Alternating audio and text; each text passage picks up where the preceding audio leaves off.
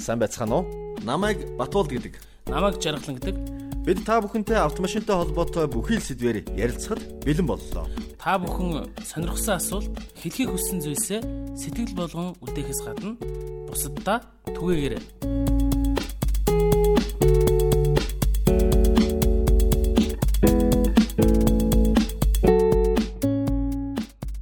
За өнөөдрийн подкаст их олон зочдтой сонирхолтой яриа хөрөөтэйгээр үргэлжлэхээр бид бас бэлдсэн байна. Тэгэхээр жаргал маань бас зочтой танилцуулъя. За тэгээ. Өнөөдрийн зочноор Тээврийн цагдаагийн албаны замын цагдаагийн газрын ерөнхий зохицуулагч Дэд Туранда Инхбат сэтгцэн эрүүл мэндийн үндэсний төвийн эхэмж сэтгцэн эмгээг судлаач сэтгэл засалж жавхланаар өргөдөн ирээд байна. Сайн байцгаана уу?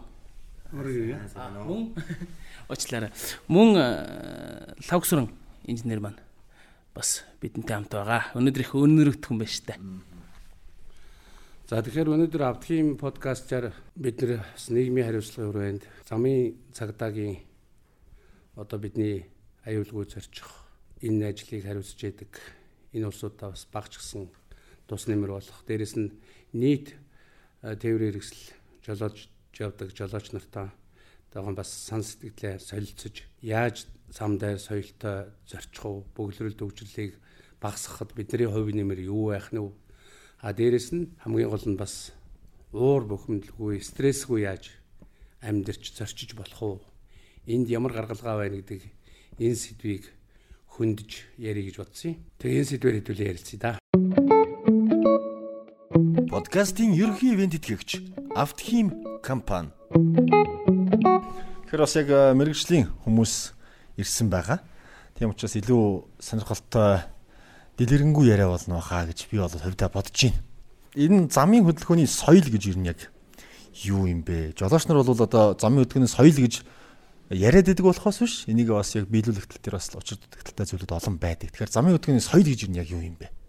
За та бүгд ямар ирья? За дэлхийн улс орон автомашинжаад бас тодорхой хугацаа өнгөрчээ. Энэ хооронд замын хөдөлгөөний дүрм, замын хөдөлгөөний аюулгүйлийн тухай хууль гээд ингээд баталгаажсан ийм зүйлүүдийг мөрдөөд явдгийн хажуугаар замын хөдөлгөөнд оролцох соёл гэдээ яриа явдаг. Тэгээ энэ соёл гэдэг нь бол өөрөө бас таарсан тохирсон үг мөн үгүүд дээр би бас эргэлздэг хүний нэг. За тэр хүний амнаас одоо эрсдэлд орох энэ нөхцөл байдлыг соёлоор зохицуулж болох уугүй юу тийм ээ. Энэ бол аюултай байдаг. Тэгэхээр иргэд бол соёлын тухай ярих боловч яг нарийнда бол замын хөдөлгөөнд оролцох сахилга бат гэдэг зүйлийг л ярих хэрэгтэй санагддаг. А гэхдээ соёлоор зохицуулагдах 100 хэдэн зүйлүүд бий. За энэ нь бол бие биений хүндэтгэх гэсэн. Одоо хоёлоо давуу ирэхгүй идэл ижил одоо уулзур дээр ирчихэд тэгээд хин нэг нь одоо хүндэтгэд оруулах А нэгвэл би өөрөө давуу эрэхтэй замаас орж байгаа мөртлөө давуу эрэхгүй одоо тэр жолоочдоо зам тавиад өөх гэсэн ийм зүйлүүд байдаг л да. Тэгээ энийг одоо явган зорчийг хүндэтгээд гаргах гарц гарамгүй эсгэр нөгөө хүн одоо яарч яваач гэдэг юм уу бие муутай хүн одоо хөгжлийн бэрхшээлтэй хүнгээ явж явах үед бол тэр гарц руу очиж чадахгүй байх үед тэр хүнийг зогсоол гаргах мэтэр одоо олон зүйл бий л дээ. А тэгтээ бол соёл гэдэг маань өөрөө энэ эрсдлийг бууруулах гол хөшүүрэг нь биш А соёл нь өөрөө тухайн хүмүүсийг бие биенээ хүндэтгэх энэ үйл ажиллагааг бол хилдэг. Гэтэ энэ нь бол бас алавчсан зүйл биш гэдгийг манай хэрэгтээс анхаарах хэрэгтэй. Чи соёлгүй байснараа энэ хүнийг одоо амьдсын нөхрөөлөө гээд одоо хариуцлага тооцох зүйл байдаггүй. А та харин зам хөдөлгөөний хууль дүрм зөрчснөөрөө ийм нэгсэлт байдалд орж энэ хүний амьдс эрүүл тохирлоо гэдэг ийм зүйл ярьдаг учраас за соёл сахилга бат хоёр хоёулаа байх хэрэгтэй Тэгэхээр бас яг нэг ойлголтыг бол бас ойлгоод авчруулах юм шиг цахилга бат болон соёл. А бид нар ерөнхий ярьж заншсан зүйл бол ерөөсөө замын хөдөлгөөний соёл гэж яриад байдаг шүү дээ тий. Тэгэхээр энийг бас салгаад ойлгочод гимгүүл юм байна л да. А жолооч нарын хувьд одоо энэ замын хөдөлгөөний сахилга бат энэ соёлын хувьд гаргадаг олон л зүйлүүд байна л да. Бид бид бид ч гэсэн өөрсдөө жолооч нар. Тэгэхээр дийлэнх гаргадаг ер нь алдаа зөрчил сахилга бат соёл ер нь юу байдаг юм бэ? За өнөөдөр Монгол улсад бүртгэж байгаа нийт зам тэр бас хэргийн одоо одоо зүйлчлээ төрөлжүүлнэ шүү дээ. Одоо ямар хууль дүрм заалтын зөрчөөд энэ одоо ослууд бүртгэгдэж байна гэдгийг харахаар бол ялангуяа Улаанбаатар хотод энэ төвлөрсөн газруудад бол байрлал явах журам игнэ байр солих гэсэн энэ дүрмийн хоёр заалтай шүү дээ тийм ээ. Энийг л зөрчсөн байдаг ихэнхдээ. За тэгээд дараа нь бол зөксөө харах хэмжээ. За тэгээд гэрэлтгөө тэмдэг зөрчих гэдэг ингээд орж байгаа. Тэгэхээр манай иргэдийн хамгийн их одоо зам дээр бас гаргадаг шалтгаан шалтгаан нь бол нэг игнээс нөгөө игнэр рүү шилжих, за гүйц төрүүлэх, а игнэвэрээ солих гэсэн энэ нөхцөл байдлуудыг л одоо дараалалаар нь хийж чадаагүй. За тэгээд толь буюу бусад одоо зүйлээр харилцаж нөхцөл байдлаа зөв дүгнж чадаагүй гэсэн гардыг. Тэгэхээр энгийнээр базаа хэлэх юм бол тийм одоо шалтгаанаар л дийлэх өсөл буюу бараг 80% нь бүртгэж байгаа. Тэгэхээр нэг өсөндөө бас давхар энэ бол цэвэрлэл дүрм зөрчигдөд байна л гэсэн үг шүү дээ.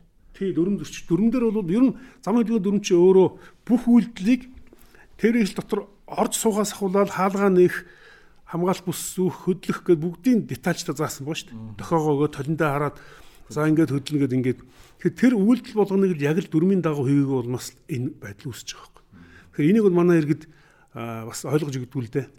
Тэгээ зам төвийн ослуулган бол өөр өөрийн онцлогтой. Хэдийгээр игнэвэр одоо өөрчлөлт сольж явах үедээ зам төвийн ос гаргасан ч гэсэн өөрийн нөхцөлтэй байдаг байхгүй. Тэгэхээр тухайн жолооч хөдөлгөөнд оролцож байгаа юм бол тэр дөрмээр заасан бүх үйлдэлийг явцаа хийх, дөрмийн дагуу хийх энэ үйлдэлийг дагаж мөрдөж чадсанаар нэгдүгээр эрсдлээс хамгаалагдана.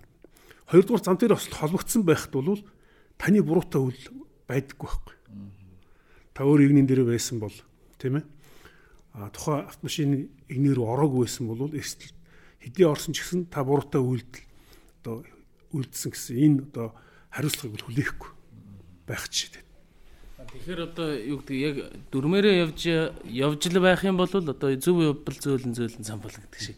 Зөвл явж ивэл ямар нэгэн эрсдэл учирлаа гэхэд зөв явж исэн хүний талд шийдэгддэг байх гэдэг шүү дээ. Зүгээр яг дөрвөн янз бүр л дээ ямар нөхцөл байдлаас шалтгаална. Тэгтэл их хвчлийн зөвл явж ивэл айтайхан өнгөрчих магадлал. Дөрмээрээ л явах юм. Ингээд ээ. Осол толбогдсон гут одоо 50 50 болгоно гэж. Их муухай үг тэр. Юу гэсэн үг те? Одоо бид нэг аян тусыг тэр нэг ингээд грамлаад ижил төвшөнд авчиж байгаа юм шиг. Тэр ослын үйл явц чинь тийм одоо хувилдаг зүйл биш шүү дээ. Тус тусын буруу байна уу л гэж байгаа.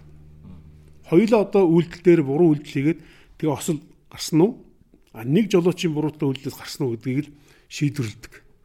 Тэгэхээр хоёулаа адилхан одоо буруутай үйлдэл байсан бол тус тусын буруутай байна. Зам хэлгийн дөрвийн тэдийн тэд гэдэг нэг заал. А нөгөө жолооч нь тэдийн тэд гэдэг бас нэг заалтыг зөрчснөөс энэ осол болжээ гэдээ асуудал шийдэгддэг. А тэгэнгүүт иргэд ойлгохтой бол энэ бол 50 50 болсон байна гэж. Яг өндөр хоёулаа буруу бас тодорхой тодорхой хэмжээний дүрм зөрчил. Иргэдийн хилц үг нь өөрөө тохирж өгөхгүй байхгүй юу? Тус тусын буруутай байна гэж нэгдүгürt. Хоёрдугаарт огт одоо буруугүй байжгаад одоо та ингээд автомашинтай явж байгаад урдуур чинь ямар нэгэн одоо хөдөлгөөн үл хөдлөх зүйл ч гэдэг юм уу одоо хөдөлгөөнтэй зүйл байх та мөрөхгүй байх хэрэгтэй шүү дээ. Зогсохоор араас ирж байгаа машин мөрөж чиг. Энд таны буруутай үйл байхгүй шүү дээ. Тэгэхээр бол арын машины буруутай үйл байна гэд тэр хүн дээр арга хэмжээ тооцох, хариуцлага тооцох асуудал яригдана. Тэгэхээр манай иргэдийн хувьд бол нэг осол орчхороо хэн нэгэн таньдаг хүн рүү ярих, одоо замын цагдаа газарт ажилладаг хүмүүс рүү ярих, За тэгээ энийг одоо ямар нэгэн байдлаар өөртөө ашигтайгаар эргүүлэх гэсэн ийм сонин зүйлүүд ярьдаг л да. За энэ нь бол өөрөө маш одоо буруу зүйл ээ. Тэрийг одоо зам зэдэг ажилтан одоо хувиргаа тийм ээ. Одоо буруутай байсан үйлдэлийг нь одоо буруугүй болгоол а нөгөө жолоочийн буруутай болгоол ингээд шийдвэрлэх тийм юм байхгүй. Тэгээ ослын газар дээр чи хэмжилт хийнэ гэдэг нь өөрөө хамгийн нарийн үйл явц. 1 см-ээс ахуулаад ингээд хэмжээд эхэлнэ шүү дээ. Тэр хэмжээсээр бүх зүйл гарч хэний буруутай хөлөл байна гэдэг нь тогтдог учраас манай эрдийн хөдөл тэр нэг тийм хилцүүгийг бол болох ёстой гэж цусаар нас хэлж. Өдөр тутмал одоо замын хөдөлгөөнд оролцож байхад хамгийн одоо э, төвхтэй хэцүү нөхцөл байдал бол осол аварт орооцолдох тийм ээ. Тэгэхээр яг уу жолооч нарын хувьд 50 50 одоо 50 50% гэж ярьж тэ 50 50 гэдэг нь хамгийн эцсийн үр дүн болох нөгөө оноо асуулах эсвэл машинд учирсан хохирлыг хэн төлөх вэ гэдэг дээр а хувь яриад ах шиг. Тэгвэл э, жишээ нь нэгэн чигээрээ явж илаа нөгөөх нь хажуулаас нь ороод ирсэн чигээрээ явж ирсэн ийм өчтэй байсан чиний ч буруу хажуулаас нь ороод ирсэн чиний ч буруу. Хоёлоо ингээд буруутай болчиход шүү дээ. Тийм тохиолдол байх нь шүү дээ. Чигээрээ явж ирсэн нөхцөл буруутай болно гэж байхгүй. Тэр яг зөв хоёлоо аль аль нь та дөрөв зөрчин гэж ярьсан шүү дээ. Чигээрээ явахдаа чигээрээ явахдаа автомашин яг чигээрээ юм шиг харагдах боловч хэвтээ тэнхлэг хэвтээ тэмдэглэлээ мордцсон явж болно шүү дээ. Одоо 3 игнэтэ зорчихсаг байл гэж бодъё. Хоёрдугаар инээнд явж байхдаа гуравдугаар инээний цагаан шумыг даваад нэг 15 см давтсан явъя. Тийм ээ. Тэгээ н өөрийнхөө инээдч юм шиг тэгсэн мөртлөө энэ 3 дугаар энэ ихний нэг 15 см дугуй нь явж юм дээ. Агтл нөгөө нэг хажууд нь явж байгаа машин хөдөлгөөний чиг өөрчлөө шүргэлээ. Энэ бол чигээр явж исэн машин буруу болно шүү дээ. Ягаад гэвэл тэр хүний хил хязгаарлал орсон байгаа байхгүй. Ер нь бол замын хэвтэ тэмдэглэл бол ер нь улс орны хил хязгаартай адилхан зүйл шүү дээ. Тэр игнэгээр явж байгаа машин яг тэр игнэндээ л явна. Тэр нь цаад болохгүйгээр явах хэрэгтэй л гэсэн одоо энгийнээр зүгээр тайлбарч хэлэх тийм ээ. Тэгээ тэр лөө ингээд даваад орчхоор л асуудал үүсэж байгаа байхгүй. Тэгээд хэн давсан юм бэ? Хэн хөдөлгөөний чиг өөрчлөөд давтсан юм бэ гэдэг дээр л асуудал яригддаг ер нь бол. Тэгэхээр асуудал шийдэгдэхдээ ямар нэгэн байдлаар нэг хүний одоо би нөгөө жолооч миний оронд суугаад танаас суугаад шүү дээ. Одоо тантай өдөр бол уулзах боломжгүй учраас бид энэ платформыг ашиглаад э, сонсогчдыг тантай уулзуулаад байна. Тэгэхээр аль болох э, хэрэглэгчд ч юм уу сонсогчдын хүсэж байгаа асуултыг асуухын тулд би танаас ингэж эсэргүү байдлаар юм асууад байгаа шүү ойлгоорой. Тэгэхээр юу гэдгийг аль нэгэн хүн ямар нэгэн байдлаар буруутай болоод үлдэх үү эсвэл Төрөний ярьснаас чи би буруу ойлгосон байна уу? Тэрэн дээр чи энэ нь ч буруутай, тэр нь ч буруутай гэдэг байдлаар шийдэгддэг. Тэр үед эргээд хохирлыг хэн төлөх вэ ч юм уу, аль аль нь оноог асуулах ч юм уу, иймэрхүү юм яадаг юм. Осол болгон өөрийн оо онцлогтой гэж би түрүү хэлсэн тийм ээ. Осол болгон дээр яг ижил тавтагддаг осол гэж их цөөн өөр онцлогтой байд. Тэгэхээр тэр осол дээр хэн одоо буруутай үйлдэлтэй байгаа нь л хоёулаа буруутай бол хоёулаа хариуцлага хүлээж тэр 5 оноо асуулах За торгуулийн арга хэмжээ авагдах 100 мянган төгрөг торгодог шүү дээ. За тэгээд дээр нь хэрвээ тэр хоёр даатгалтай бол тус тусын даатгалууд нь ирээд л асуудлыг шийдвэрлэдэг. Хэрвээ даатгал хийж чадаагүй бол өөрөө тухайн осол буруутай л байгаа бол тэр хүний хохирлыг багдуулж хохирлгүй болгоно шүү дээ. Тийм ээ. Зүгээр байсан машин нэвдсэн учраас. Тэгэхээр энэ бол онцлог болгон дээр осволгон дээр өөр өөр байдаг учраас энэ осол болгон ийм байна. Тэр осол дээр тэгж шийднэ гэж бол хэлэх боломжгүй хэн буруутай байгаа нь бол асуудлаа хариуцлага хүлээгээд хохирлоо багдуулаад явдаг. Тэгэхээр ер нь ерөөсөө гарсан осол болгоноос л тодорхой дараа дараагийн дүгнэлтүүд нь гараад гараад шийдвэрлэгдэж явчихна гэсэн үг юм байна л да. За тэгэхээр бид нэр мэрэгжлийн хүнээс бас дүрм журмаа барьж явах а ослын унаас болж гардаг ч гэдэг юм уу осол гарсан тохиолдолд одоо улсуудын хандах хандлах ч гэдэг юм уу ер нь тодорхой хэмжээнд ер нь дүрмээ сайн судлах мэдэх шаардлага бол бас бид нар ч гэсэн байна гэж ойлголоо. Тэгэхээр хэдүүлээ сэдвээ одоо яг өөрсөнд тохиолддог, өдөр болгон гардаг, бид нарыг бухимдуулдаг, замын төвчрлийг бий болгодог энэ юмнуудыг яг өөрснөөхөө харсан, өөрт мэдрэгдсэн энэ юмнуудаа хэдүүлээ ярилцуул яана гэж бодож байна. Тэгэхээр одоо жишээ нь ингэдэг л дээ. Зам дээр ингэж байр эзэлж явж байгаа. Одоо жишээ нь би нэг баруун гартлаас 2 дуурайг нээд явж байгаад баруун гартал руугаа ирэх шаардлага гараад дохио өгөөд ирэх гэж байгаа байхгүй. Тэгэхээр би дохио өгсөн тэр машин нэлийн хол харагдаж байна. Би бол хангалттай хэмжээд орчхоор хэмжээнд би дохиогоо өгч байгаа байхгүй. Тэгэнгүүт хэвийн хурдтай явж исэн машин гинтгий хаазаа нэмээд миний хажуугаар дайрдаг байхгүй. Энэ бол ерөөсөө өдөр болгон зам дээр гардаг нэг одоо бусдыгаа бухимдуулдаг нэг юм үзэгдэл байна. Хүн дохио өгчөөд би ирэх ийшээ байр эзлэх гээд байна шүү.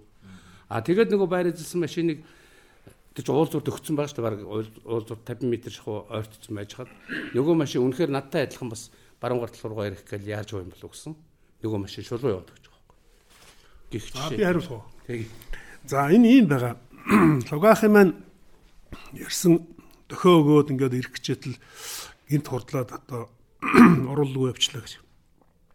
Тэр өнөөдөр манай Монгол улсын дөрмөн зааснаар хэрвээ та давуу ирэхгүй л байгаа бол чигээр явж байгаад инээ байр солих гэж байгаа бол тэр замаар яваа террористлийг өнгөрүүлнэ гэж байгаа. Өнөөс тэр хүн яарч явсан уу? Та яарч явсан уу? Нэг бол та дохио өгцөн байгаа мó гэсэн тийм өгүүлбэр байхгүй. Тэгэхээр дохио бол давуу их болдоггүй. Энгийнээр хэлэх зүйл бол за хүн байсан бол би ийшээ орох гэсэн юм аа гэж хэлж л байгаа үг. Дохио бол би баруун тийш орох гэсэн юм аа гэж хэлж байгаа. Гэтэл нөгөө хүн би оруулмааргүй байна яарч явнаа би гээд гүгээ гарах ч гэдэг юм уу. Энгийнээр би тайлбарлах. Тэгэхээр бол дохио бол өөрөө хэзээш давуу ирэх болдоггүй. А дохио хүүрэхтэй. Заавал хүүрэхтэй. А харин тэр энэ байр өөрчилж байгаа жолооч тухайн чигээр яваа тээврийн хэрэгслийн хурдыг асуулахгүй. Хөдөлгөөний чигийг нь өөрчлөхгүй байх үүрэг хүлээдэг. Хурдыг асуулахгүй. Хөдөлгөөний чигийг нь өөрчлөхгүй. Тэгэхээр бол огт цаад болохгүй гэсэн үг шүү дээ. Тэгээ тэр үний хүлээхэн л байна. Тэгээ энэ дээр л маргадаг байхгүй. Би дөхөө өгцөн ч юм уу яа тийм бэ гэдэг. Одоо би энэ загнаад одоо ослын газар дээр манай залуучууд яваад очиход бол тийм хэрүүл заримдаа зодон болцол байж хоорондоо маргалдаад. Тэгэхээр энэ нөхцөл байдлыг бол манай жолооч бүгдээр анхаарах хэрэгтэй. Бүгд л яарч явж идэг. Одоо ингээд зогсоогоо сүлд нэгэ ослын дараа хийнийх нь одоо тэр өдрийнх нь хувийн байдлыг тогтоон дээ. Яг ямар ажил хийж явсан, юунд яарч явсан та гэдэг ингээд. Тэгэхээр нэг нь одоо эмнэлэгт төрчихсөн ихнэрээ ирэх гээд хоол цайгаа аваа явж идэг. Нэг нь одоо ээж нь эмнэлэгт юм аав нь эмнэлэгт гээд юм уу. Нэг бол өөр одоо юм гээд яараа явж исэн гэдэг нь тогтоогддог юм л та. Гэхдээ хин хinin яарч байна. Би одоо эмнэлгийн ажил эмнэлэг рүү явж байна гээд давуу хэрхэлж болохгүй байгаад байгаа. Ийм л учраас зам хөдөлгөөний дүрм өөрөө байдгийм байна. Дэлхийд даяар мөрддөг юм байна. За тэгээ энийг мөрдөхгүй бол эрсдэл үүсдэг юм байна. За эрсдэл үүсгэсэн хүн өөрөө хариуцлага хүлээдэг юм байна гэсэн. Энэ л зарчим. Яг сайн нэг лавгах ярддаг бол би одоо жишээл зүгээр явж чад энэ машин дохио өгчингүүд л хурдаа нэмээ заавал энэ хүнийг оруулахгүй гэдэг нэг бас нэг сэтгэхүй байгаа дээ шүү дээ. Нөгөө соёлын тухай нөгөө сэтгэл зүйтэй холбоотой явчихна да. Сүсрээд би юу ярих гэдэг нь гэхээр ер нь энд нэг монгол хүний сэтгэлгээний онцлог байна уу да гэж. Тэгэхээр манайхан ч бас нөгөө ярьдаг шүү дээ 90 он гарснаас хойш хил даваад паспортоо болоод гадаад амьдарч ажилладаг одоо 2 3 дахь үеийн төрсэн Америк жишээ нь өөрсдийнхөө бизнесийг эрхэлж байгаа тэр найзууд нөхдүүд ярихаар ер нь бол Монголд улаан тэр цэцмэ Улаанбаатар хотод замын хөдөлгөөнд оролцсон гэдэг чинь алаан байхгүй юу? Жинхэнэ дайнд улаанштай гэж нөгөө маазарж ярьж байгаа. Тэр энэ дээр бусад орны хүмүүсээс өөр сэтгэлгээний онцлог байна уу? Тэр ямар учиртай байна? Ер нь Монгол хүний сэтгэлгээний онцлог эргэж жолооч хүнд яаж холбогдож чинь таны бодлоор? За энэ дээр хэд хэд юм гарч ирнэ л те. Жишээ нь Нэгдүгээр та Монгол хүмүүс маань зүгээр ерөнхийдөө үзэхэд бид нар нөгөө нэг дөрвөн үйлрэлд амьдардаг гэдэг ч юм уу те. Тэгэхээр илүү тийм альва зүйлд давуу тал нь бол хувьсамтгай уусаж орж чаддаг боловч нөгөө талаараа зан ааш маань ч гэсэн бас тийм хувимтгай болж тарах гэдэг. Ер нь суурна. За За зан төрхийн онцлог гэхээсээ илүү түлхүүд эхлээд нүүн төрөний лагсрын инженерийн асуусанд хариулаад явчих. Тэндээс илүү ойлгомжтой болох. Нөө ялангуяа таны ярьсан зүйл дээр нөө хөдөөн замд явж хахад түлхүү тохиолддог нэг зүйл нь юу гэхээр гүйц төрүүлэх гэхээр дагаж хурд хийдэг тий. Нэг тийм тохиолдол байгаа гэдэг. Тэгэхээр энэ дээр тухайн одоо юу гэдэг чинь энэ газар нутагт амьдарч байгаа хүний биш ерөөсөө ямар ч амьтны онцлог нь өөрөө тийм байгаа гэдэг. Одоо үүнтэй ижлэгэн зүйлийг бид нар нөгөө мал амьтдаас ихсээ харж болно л доо. Хөдөө морь унаад нэг шогшуулаад явж байгаад хажуугаар нэг морь давхиад өнгөрөхөөр өөрийн морь нэг цогддог дагаад нэг тийм юм байгаад идэх те өөрөлдвөл дагаж хурд идэг тэгэхээр энэ маань өөрөө зүгээр тухайн бүс нутагт амьдарч байгаа гэдэг ч юм уу те энэ газар амьдарч байгаа амьтад маань өөрөө ямар нэгэн зүйлээс нь өрсөлдөх шин чанар өндөртэй гэдэг утгаараа хосорч гоод байна гэдэг ч юм уу те тухайн зүйлд ямар ч гэсэн зэрэг хамт байх шүү гэдэг нэг нөхцөлийг л баримтлаад энэ маань өөрөө тухайн амьд биетийн ухамсаргүй үйлдэлүүдийн нэг болж байна. За ер нь бол замын хөдөлгөөний сэтгэл зүй гэдэг нэг салбар байдیں۔ 1980-аад оноос л илүү төлхөө хөгжиж эхэлсэн. Одоо нөө замын хөдөлгөөн гэдэг дээр чинь хэд хэдэн зүйл орж ирж штэ авто зам, төмөр зам, агарын зам, далайн зам гэд тэ хэд хэдэн замууд орж ирдэг. Эдүүсийн сэтгэл зүй гэдэг. Эдүүс дээр судлаад үзэхэд ерөнхийдөө нэг хүний зан чанарыг нэг юм авто тээврийн хэрэгсэл жолоож байгаа хүний зан чанарыг нэг гурван ангилчаад байгаа. Нэг нь болохоор тухайн одоо юу гэдэг чинь үйлслийг төлөвлөөд хийж байгаа гэдэг ч юм уу те үндэслэлтэйгээр гэсэн үг те. Би нэг ийм зүйл хийх гэж шүү гэж хийж байгаа нэг үйлдэл байна. Нөгөөх нь сэтгэл хөдлөлөөрөө хийж байгаа нэг үйлдэл байгаа гэдэг. Одоо ингээд сэтгэл хөдлөлөөр ямар нэгэн байдлаар хурдтай гэдэг ч юм те айл эсвэл докторгүй шийдвэр гаргадаг гэсэн үг. А гуравдугаарт болохоор дадал үйлдэлээр хийж байгаа гэдэг нэг зүйл байгаа. Тэгэхээр миний ярих гэдэг зүйл юутэй дүлхүү холбогдож юм гэхээр дадал үйлдэл гэдэгтэй зүйлтэй холбогдох гэдэг юм л да. За тэгэхээр бидний тэр гаргаж байгаа ухамсаргүй авир маань өөрөө юутай холбоотой гэвэл бидний дадал үйлдэл болоод байна. Бүүр ингээд жоохон шулуухан хэлэхэд бол бидний цуснд шингэсэн дадал үйлдэл байна. Нүүдэл чинь тийм мөн. Ерөөсөө л э, ямар нэгэн зүйлээс хоцрохгүй одоо юу гэдэг чинь те алдахгүй байх. За нөгөө тэгвэр зарим сэтгэл судлаачдын үзэж байгаагаар нэг юм байдаг. Тухайн хүний хувийн орон зайд халдж байна гэж үздэг. Би одоо ингээ урагшаага чигээр явж байна л та. Тэгсэн чинь миний урд ямар нэгэн саад гараад ирвэл надад тавгүй сэтгэл үүсгэн л тээ. Саад гараад. Одоо би энэ саадыг яаж төрнө, яаж явна гэж боддог ч юм. Ямар нэгэн тавгүй сэтгэл төрөх юм. Тэгэхээр намайг гүц төрүүлж байгаа машин надад саад болох гэж байгаа учраас би тэр саадыг давах чинь гэдэг сэтгэлгээ үүсэт байдаг. Автомат. Автомат. Тэр бол ерөөсө ухамсартайгаар үлдэхдэггүй. Одоо тэр гүц төрүүлж байгаа машина хараад дагаж хурд хийж байгаа машиныг харахаар тэр хүн маань өөрөө автоматар үйлдэл хийж байгаа. Тэрнээс ухамсартайгаар биш. Өөрөө ирэхгүй хөл хаазан дээр очиж байна гэсэн. Ер нь л Тэгэхээр ийм автомат үйлдэлүүд аюу олон байгаад байдаг. Тэр үйлдэлээс болоод энэ үйлдэлүүд хийгддэг. Ялангуяа түрүүн одоо бас ярьлаа шүү дээ. Нэг хажуугаар ингээ яг игнээ шилжих гэтэл арын машин хурд хийж ирдэг. Ягаад вэ гэхээр магадгүй тэр та урд нь саад болох гэдэг юм л да. Гэрэл тохионд яг амжих чийтэл тооцоолсон байтал та амжуулахгүй хурдын сааруулах учраас саад болоод байна гэдэг юм. За энэ маань өөрөө сэтгэлгээний онцлогтой байдаг. Харахад ярихад маш энгийн юм шиг боловч яг үйлдэл дээр асар том үйлдэл болж бууж ирээд. Тэгээ одоо хэдүүлээ бодоод үзээ л да. Хүн өдөрт дунджаар одоо юу гэдэг чинь автомат байдлаар хүний ухамсарыг ингээд автоматар хийдэг болон ухамсартайгаар хийдэг гэдээ хоёр ангилаад үзчихэж байгаа өдрийн үйлдэлийг. Бидний ухамсаргүй хийдэг үйл гэдэг чинь их ингээ одоо бидний алхаж байгаа байд гэдэг чинь бид нар алхаагаа мэдгүй шүү дээ. Бид нар яг ингэж алхаа тэр дээр тэгж ишгээд ингэж явна гэд тэ би ингээ ингэ шилжүүлнэ гэд. Яг тодорхой э, тооцоолохгүйгээр нэг мэдгэд л өөр автоматар хийчдэгтэй ижлэхэн. Бид нар бичгтэй ч гэсэн автоматар бичдэгтэй ижлэхэн тийм автомат үйлдэлүүд айгүй олон байгаад байдаг. Бүгдийг бодох юм бол хүний тарих өөр их цуцхан л дээ. Тэгэхээр бид нар өдөртөө ухамсартайгаар маш цөөхөн шийдвэр гаргадаг бол ухамсарт бусаар автомат байдлаар дунджаар 60-аас 70 мянган шийдвэрийг өдөр тогтмол гаргаж идэг.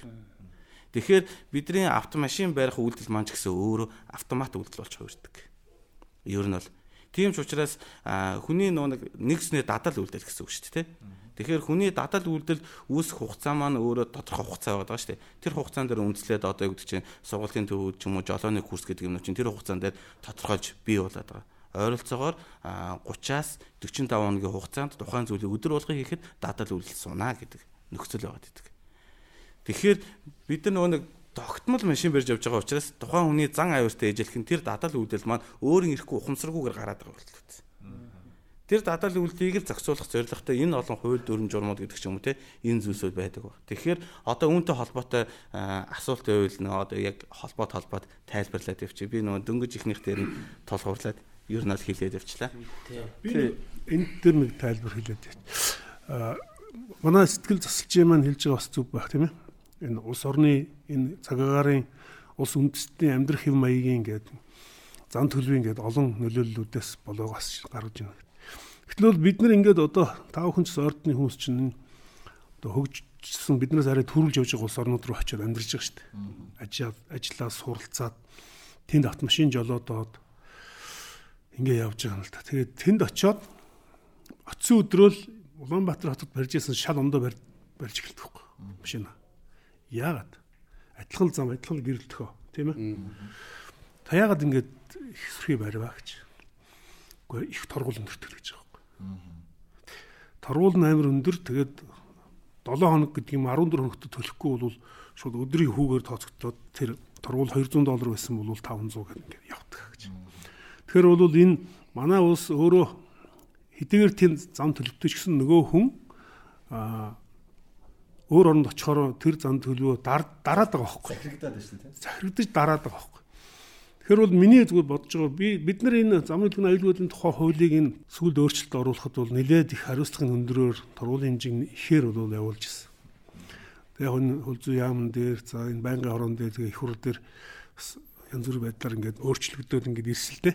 Одоо согтуугаар тэрвэрч жолоодсон жолоочийн тургуулын хэмжээ 400 сая төгрөг байгаа одоо. Тэгээ нэг жилийн хугацаар их нь байгаа. Гэтэл бол бус орнуудтай жишээ үзэхээр бол хамаагүй бага байхгүй манах. Хамаагүй бага Гэтэл гаргаж байгаа үйлдэл тэр эрсдэл нь бол яг л адилхан шүү дээ.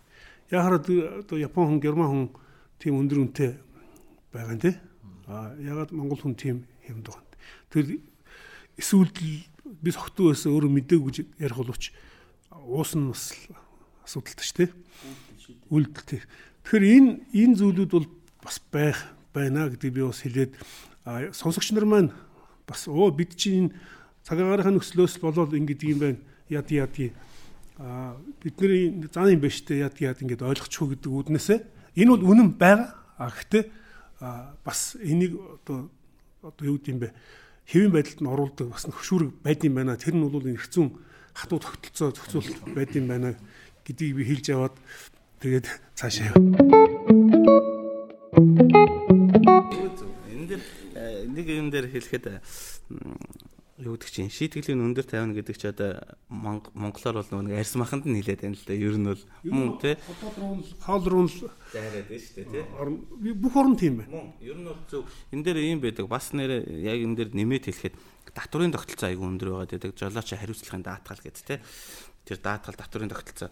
Тэрэн дээр юу гэдэг вэ гэхээр нэг осол гаргасан бол дараагийн даатгал нь татвар нь гэдэг ч юм уу өндөрсөд явцдаг. Даатгал нь Тэгээд нөгөө нэг машин тий багасаад байдаг. Машинаас өндөр одоо юутай болж таардаг, даатгалтай болж таардаг тий. Машин авах үннээс өндөр.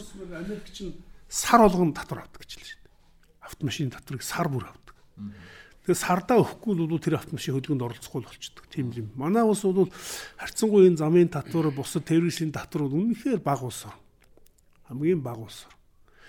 Тэгээ энэ одоо сүүлрүүгөө энэ том хотууд нь бол замын татвартай шүү дээ одоо манайх замын татваргад маш бага мөнгө авдаг л да. Ер нь би гэхдээ манай сонсогч нар намайг за энэ хот татвар нэмэх гэдэг гээд битгий э, бухимдараа гэж бас хэлээд тэгээ ер нь бол аливаа зүйл өөрөө хөшүүрхтэй байж ижил тэнд бол асуудал яригддаг юм байна л тий. Түүнээс зүгээр нэг өнөртүүлээд өнөртүүлээд ч гэдэг юм уу. За нэг ёс төдий тийм зүйлийг аваад тэгээ тэр нь өөрөө бас хэрэгжих Эцэстээ бол ерөөсөө хүний амьнастай холбогддог учраас эцэстээ Монгол хүний амьнас эрүүл мэндтэй холбогддог учраас энийг бол бас нухацтай яриад зүгээр автомашин жолоож байгаа иргэн хүн өөрөө бодох хэрэгтэй.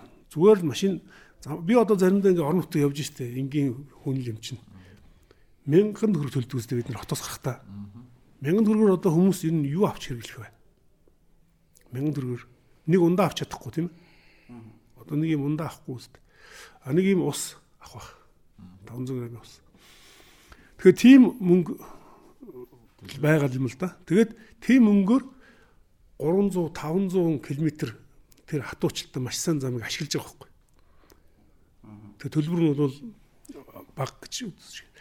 Тэгэхээр энэ дээр бодох хэрэгтэй гэж боддог. Ер нь тэгэхгүй л бол манай ус зам маань ч сайжирч өгөхгүй байна. Тэгээ одоо сайн нөгөө нийслэлээр нэг замын татвар нэмэгдгээд тэгээд болсон шүү дээ тий. Нэг шуугаал тэгээд нэг шуугаал болсон. Иргэд бол татгалцсан л одоо хэцүү байна. Гэтэ хоёр талаас нь авч үзэх хэрэгтэй гэж би боддог байхгүй юу? Тийм бас нэг тайлбар хэлэх гээд байгаа нь аа нөө нэг нэгдүгээрт гендэж байгаандаа ч гэдэг шиг хоёрдугаарт нөө нэг тухайн хүмүүсүүд нөө бити ингэж нөө нэг ухамсарт бус гэдэг ч юм уу те төрөний даатгал үйлдлийн ийм зүйлсэд бүх юмаа найдаач ээ гэдэг зүйлийг л зүгээр ойлгуулах гэдэг. Та их ихний дадал үйлдэлээр хийдгээ. Таны урдуур машин бараа явж байхад хүүхэд ч юм уу те хүн гүүхэд бид нар бол яг нөгөө нэг хөл торомсон дээр очно гэдэг чинь бол ухамсарт бус үйлдэл дээр байдаг. Ухамсарт үйлдэл түүнийг амжидаггүй. Тэгэхээр иймэрхүү дадал үйлдэлүүд байдаг. Тэгэхээр дадал үйлдэлээ ядаж зөв болгооч гэдэг л утгаар нь ер нь бол тайлбарлаад байгаа. За э, ерөнхий зарчмын хувьд бол тэгэхээр одоо нөгөө хэд хэдэн зүйл хэлэгдэх гээд байна. За энэ бол яг ухамсар нөгөө тухайн хүний ухамсарын хувьд би нөгөө нэг санал одоо юу гэдэг чинь урайлга гэдэг ч юм уу тий гаргаж төвшүүлээд байгаа. А нөгөөтэйгүр бас зүгээр яг би ч гэсэн жолоочийн хувьд бас хэлэх зүйл байгаа гэдэг юм л да. Аливаа нэг одоо чинь зарим нэг барилгууд баригдаад хотгонууд баригдаад санхүүжилт нь хүрдэг юм уу албаар гэдэг юм мэдгүй гадар талбайгаа засаж амжааг орчдөг. Хашаалаад тий Тэгэнгүүт жилийн дараа засахаараа тэрэн дээгүүр одоо юу гэдэг чи хүмүүс өөрсдөө жим гаргацсан байдаг ч юм уу тий яг тэр жимээр нь замын засаад юм уу талбайг нь тагшуулаад тавьчихаар хинч хайст авч алхдаг болж таарах гэдэг юм л та.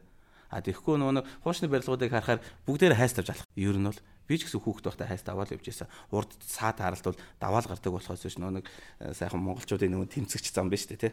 Даваад гардаг гэдэг шиг яг тийм юм байгаад байдаг болохоор энэ зүйлсүүдийг нь яг Монгол хүнтэй гэдэг ч юм аль эсвэл яг манай э, нөхцөлтэй уялдсан уу гэдэг автозамын систем. Манайх ч сайхан нөө нэг э, миний санджаагаар Оросод ингээд тавиад өгсөн.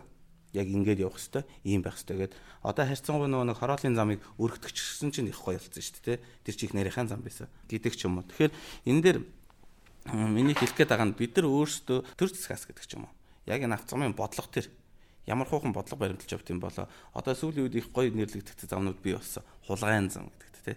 Одоо сүүлдээ хулгайн зам нь хүртэл үгжирдэг болчихсон. Яаж л хаагуур явах нөхцөл бэн тэр болгоноор явдаг.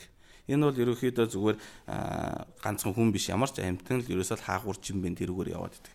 Тэгэхээр бид нар ч гэсэн нэг нүүдлэхтэй малынхаа явсан жимээрэ гэдэг ч юм уу те тэр нь илүү аюулгүй байдаг учраас тэр газараараа илүү төлхөө явдаг гэдэгтэй ижилхэн.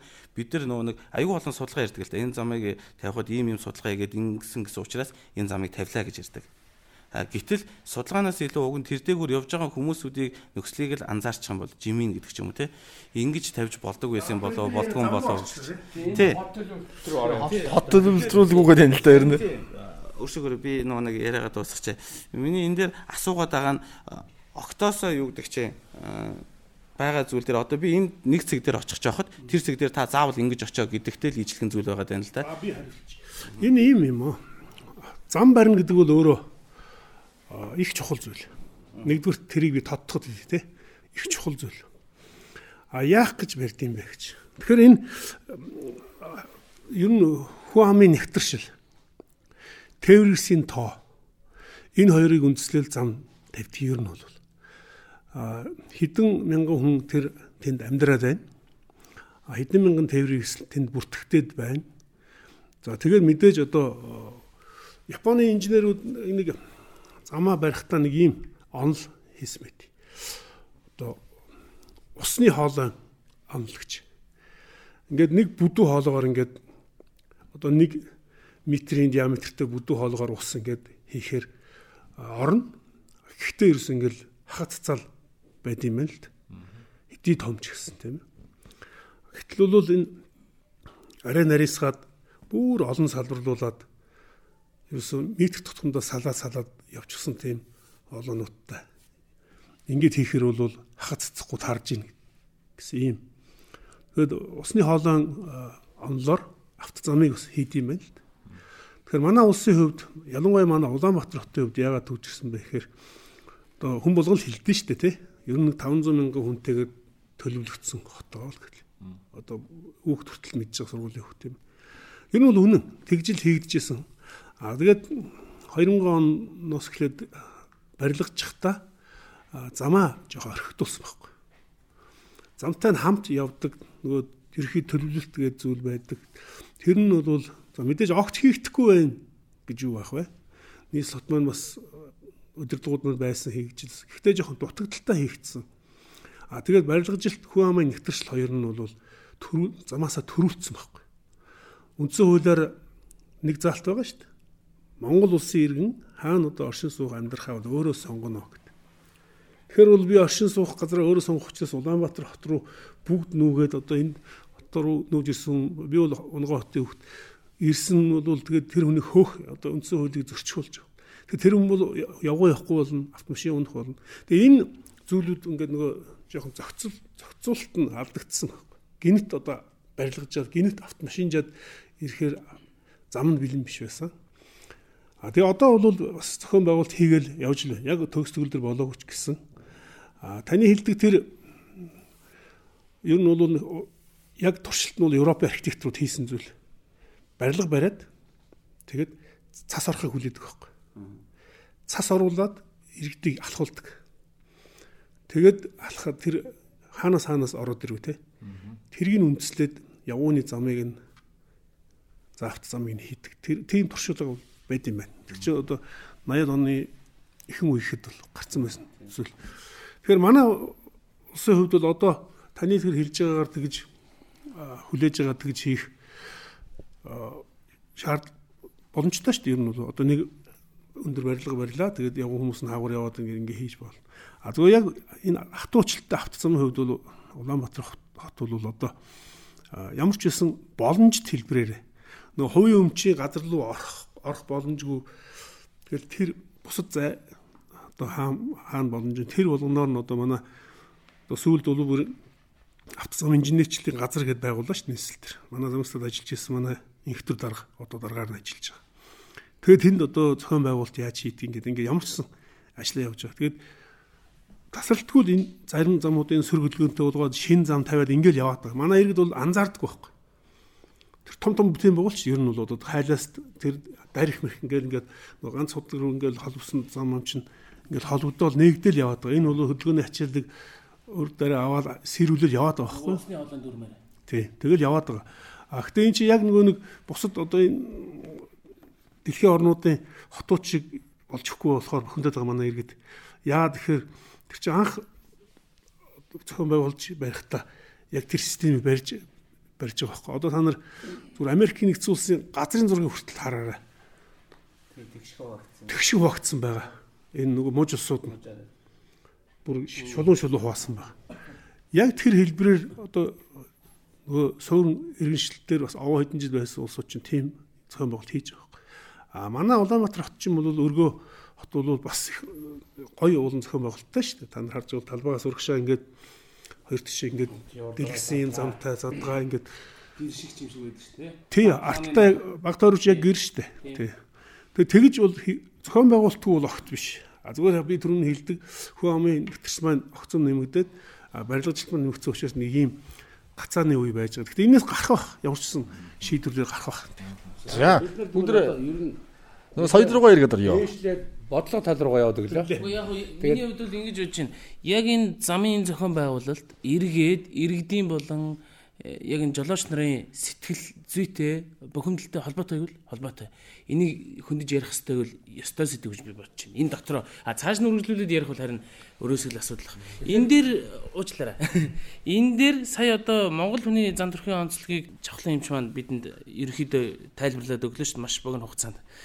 Тэгэхээр замын цагдаагийн албан хаагч нар маань бас э, хоёулаа дөрөв подкаст эхлэхээс өмнө яриа суужстэй бас э, ө- хүн шүү дээ хүн А, хэдийн албан хаагч гэсэн. Гэхдээ ажил үүргийн одоо стандарт гэж юм бэ тийм ээ үйлчилгээний ер нь тэр зүгээс бас юм байна уу юу? Иргэдтэй жолооч нартай нэг жоохон э, хандах харьцаа хандлагын юм эсвэл дохид зогсоодог ч юм уу эсвэл зогсоох зогсоонгуутлаа нэг арай дээд өнгөрч ярьдаг юм уу те бас сонирчтой хоёр талын юм байгаа дээ.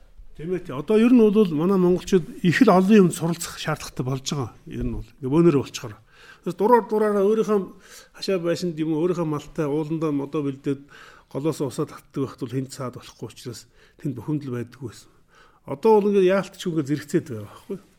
Тэгэхээр энэ байдал маань өөрөө хаа хаанаад байгаа. Зүгээр замын цэдэг байгууллага өөрөө 80-ад оны оронтойгоор л ажиллаж байна. 1980-ад онд нэг 500-аар албагчтай байсан. Аа яг тэр үгээрээ л одоо тэргүүрэл ажиллаж байна.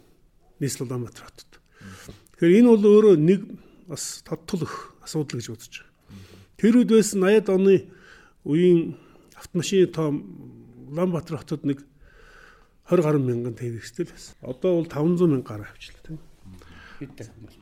За тийггүй би нөгөө цагдаагийн ажилтны тухай ярихын өмнө хий- энэ хэлж. Нөхцөл байдлыг бас бодтор харах хэрэгтэй тийм ээ. Тэр үеийн хөдөлгөөн за одоо үеийн хөдөлгөөн хоёр нь ийм бүр эртс ялгаатай. За хоёрдугаарт бол мэдээж тэр 500 мянгаас чинь идэвхтэй хөдөлгөөнд оролцож байгаа нь 250 мянга. За би бүр хасаад 50% нас л 250 мянга оролцож байна тийм ээ. 250 мянган тээврийн хэрэгсэл хөдөлгөөнд оролцож байхад нэг одоо манайд бол нэг 500 албагч өдөр тутмын ажиллаж байна л. Хэрэг бүртгэлт, мөрдөн байцаалт, за хөдөлгөөн зохицуулалт гэдэг бүх юм дээр. Тэгэхээр бол нэг хүн дээр бол та бүхэн бодоод үз 250 мянгад 2 би тэрний шин тал нь бол офицерууд байгаа юм. Бусад материал шалгамжлах ослын газар очих. 250-д орчим нь бол яг хөдөлгөөн зохицуулалт хийж байгаа цагдаа нар байна байгаа байхгүй. 250 мянган тээврийн хэрэгсэл 250 цагдаа байна гэж бод. Нэг хүн дээр 1000. 10 мянга болчихсон шүү дээ. Тэгээд нэг ийм тоо зүгээр би эхний энийг хэлж. За дараа нь бол мэдээж хөдөлгөөнд оролцож явах үед хувь сахиулах, дэг журам сахиулах, эрсдлээс хамгаалах тэднийг хөдөлгөөнд оролцож байгаа хамгаалах дээр нь гимт хэрэгтэй тэмцэх. Цагдаагийн манай замцтай ажилтнууд ганцхан хөдөлгөөн зохицуулаад ингээд нэг машин дохид зогсоол торгоо зогсоод байхгүй шүү дээ. Цагдаагийн нийтлэг үүргээд одоо бусад гимт хэрэгтэй тэмцэх ажлууд бүгд явагдаж байгаа шүү дээ. Нөгөө одоо эрен сурж байгаа асуудлууд, нөгөө гимт хэрэгтнүүд одоо автомашингүй үйлдэгдэг гимт хэрэг гэж байхгүй болсон. Бүгд автомашинт явган гүгээд байхгүй шүү дээ. Тэгэхээр энэ болгон бол явагдаж байгаа. За энэний хажуугаар иргэдтэй байгаа. Бүх төвшний иргэдтэй. Бүх боловсролын одоо төвшний тийм ээ. Янз бүрийн боловсролтой. Төрийн одоо их хурлын гишүүдээс хуулаад за нэг сургууль төгсөөд дөнгөж сая жолооны курс төгссөн нэг бүрэн дунд боловсролтой хүүхэд хүртэл тийм ээ. Жолооны курс төгссөн. Тэгээ энэ болгонтой харилцаа үүсгэхэд манай албагчийн үйлчлэгийн стандарт харилцааны одоо стандарт гэж би трийг алдах тийм ээ. Тэр нөхцөл байдал бий л дээ. За жишээ татъя зөв нэг 30 автомашин зогсооход бол 30-уулаа сайхан харилцахгүй. Тий. Бухимд нь уурлна одоо өөрийнхөө гаргасан үйлдэл хүлээн зөвшөөрөхгүй хүлээн зөвшөөрсөн ч одоо уурлна хараанч гэдэг юм уу загнана ч гэдэг юм байд. Тэгээ нөгөө цагдаа хүүхд нь бол бас хүл юм болохоор Монгол ээжээс төрөөл Монгол ахуйд өсөөл тэгэл ирсэн залуу байгаа шүү дээ. Тэр маань заримдаа одоо бохимдах Тэгээ нөгөө хууль сахиулагч одоо төр төлөөлж байгаа хүний чинь одоо хинч биш байдлаар харьцах. Тийм би. За энэ нэг тал нь. За нөгөө тал нь манай алфагч өөрөө бас захирангуй зандрангуй тийм ээ тушаасан шаардсан юм өнгөөр ярих тийм тохиол бий. Гэтэ харьцангуй манай албаагчд руу одоо бид нар чиглэсэн энэ сургалтын энэ одоо зан харьцааны тоглолтыг арилгах багасгах шүү. Арилгах энэ чиглэлийн ажлуудыг тасралтгүй тогтмол явуулдаг учраас манай албаагчд бол энэ зөрчил багасч л байгаа.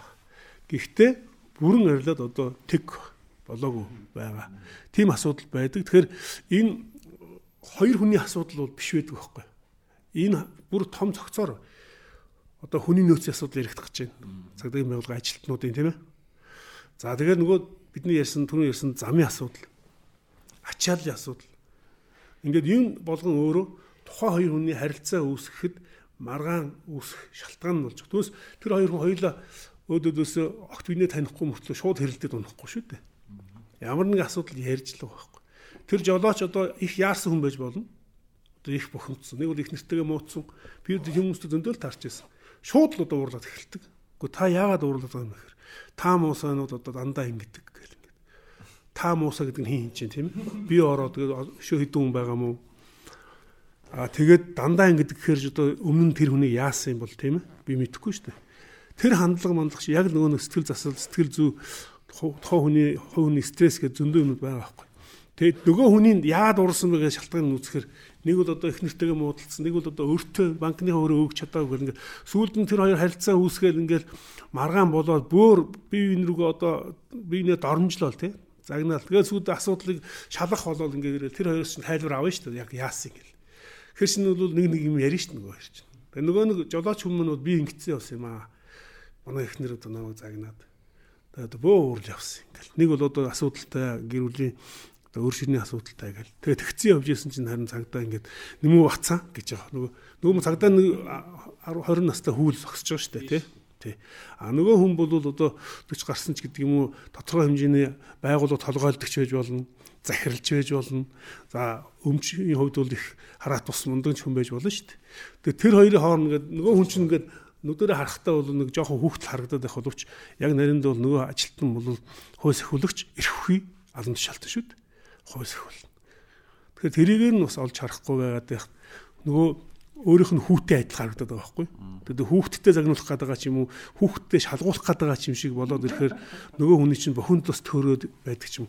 Ийм юм олон янзын юмнууд байдаг. Хол харж хол явна. Автхим компани. За бас тодорхой ойлголтуудаа бол авж байгаа бах. Ер нь бол бид бас бүгд л одоо хүн бүгд л одоо нийгмийн харилцаанд за бүгд л энэ замын хөдөлгөөнд оролцож байгаа А миний эрх бусдын эрхээр хязгаарлагдана гэж бид бас ярьдаг шүү дээ тийм ээ. Тэгэхээр замын хөдөлгөөнд мэдээж одоо анх жолооны курст суугаад ирэхэд дүрм журам бүх юмыг бол заагаад эхэлдэг. Түрүүн та ярьсан машин анх хөдлөхөд яах ёстой? Мэдээж машинд орлоо бүсээ бүсэллээ, машина асаалаа, толиндоо харлаад охиогоо өглөө тэгээ хөдөлгөөн эхлүүлнэгээ бүх дүрмийг заагаад өгсөн байдаг хэдий ч гэсэн жолооч нар одоо сүулт ингээд эхний ээлжинд магадгүй шин жолооч нар одоо яг одоо баримталдаг байж магадгүй Тэгээ яваа яваанда нөгөө баримтлагдаг дүрмүүд ингээд хүмүүсийн хийдэг нөгөө үйлдэлч саарж эхэлдэг болдог. Аа. Тэгээ дээрэс нь нөгөө нэг юм давруу зам миний бодлоор бол давруу зам гэж ойлгоод байна л да. Ингэчдгийн юм чинь болчдөг. А ингэхэр хараагүй бол намайг хин нэгэн одоо торохгүй ч идэх юм. Ийм нөгөө нэг юм өөрсдийнх нь ухамсараар одоо бодлоор зохицуулаад яваад байна л да бас. Иймэрхүү асуудлууд бас гардаг хүмүүс жолооч нар те. Байдаг. Энэ дээр бас л нөгөө хүмүүсүүд дээр л яриад байгаа аргалцдаг сэтгэлгээ гэдэг ч юм уу те ингээ болчтын гэдэг нэг тийм сэтгэлгээнүүд яваад байдаг. Бид түрүүний нэг асуусан дээр ярилцсан дээр хэлэхэд ер нь бол хүмүүст бид нар нөгөө мэдээлэл боловсрал олгож байгаа гэдэг утгаараа бүх өнцгөөс нь яаж яж байгаа тайлбарлуулах хэрэгтэй байх. Ялангуяа хөдөлгөөнд оролцож байгаа хүмүүс замын цагдаа хараадаг байхад замын цагдаа нар ч гэсэн бохимдолтой байдаг зөрөөд Одоо түрүүний таны дурдаагүй хэсгүүдээс ч бас ярил л да одоо дөрвөн үйлрэлт хаалан хүүтэнд яг л халж хөрөө зөксөж идэг гэдэг ч юм уу тий. Аа нэг гендэж гондоо чи уг нь адилхан хүмүүс бие биедээ одоо туслаад хүндэтгэлтэй хандаач гэдэг ч юм уу тий. Тэр зүйлсүүдийг ярихаас гадна бид нар нэг давуу эрхээ ашиглана гэж нэг байгаад байдаг. Хэд хэдэн давуу эрхүүд хүмүүст байдаг. Нэгдүгээрт танил талын давуу эрх байна. Альва асуудыг танил талаараа шийддэг гэдэг ч юм.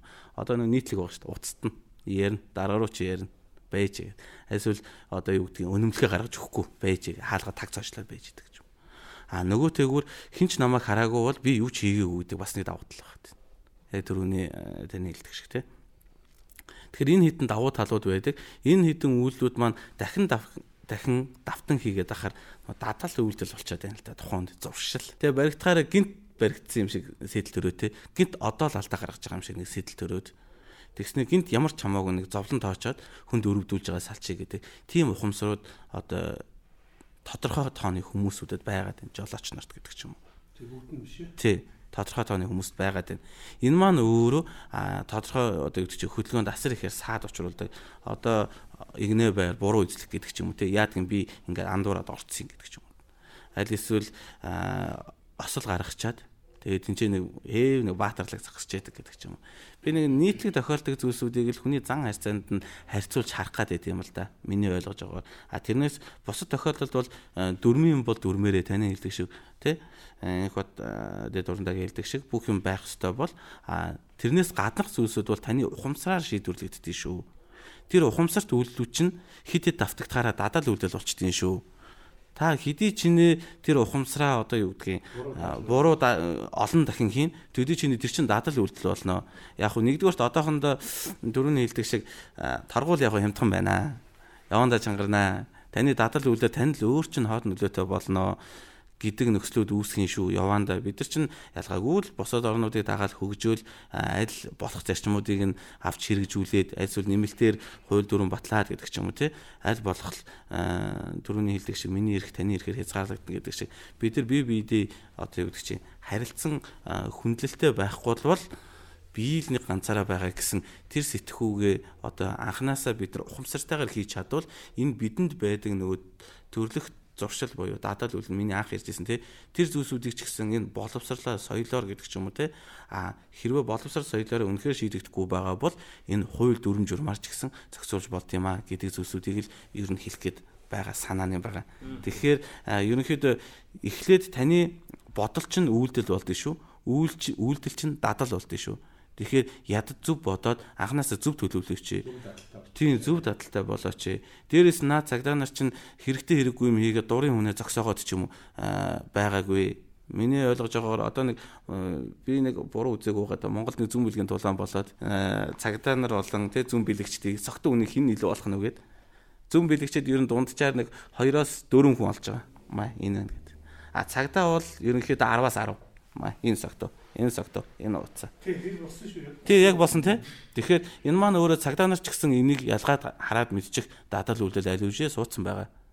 Аль хэдийн тэр хүнд бий болцсон байгаа. Бид нар өөрсдөө дадал суулгаагүй бусад руу буруугаа битгийж хийжээ. Наад хүн чинь зүгээр л өнөөдөр зам дүгжих гээд гарч ирээд нэг хувцас өмсөд халуунд хаалаад хүүтэн хөрөө зогсоогүй. Тэгэхээр тодорхой нэг дүрм журам байгаа.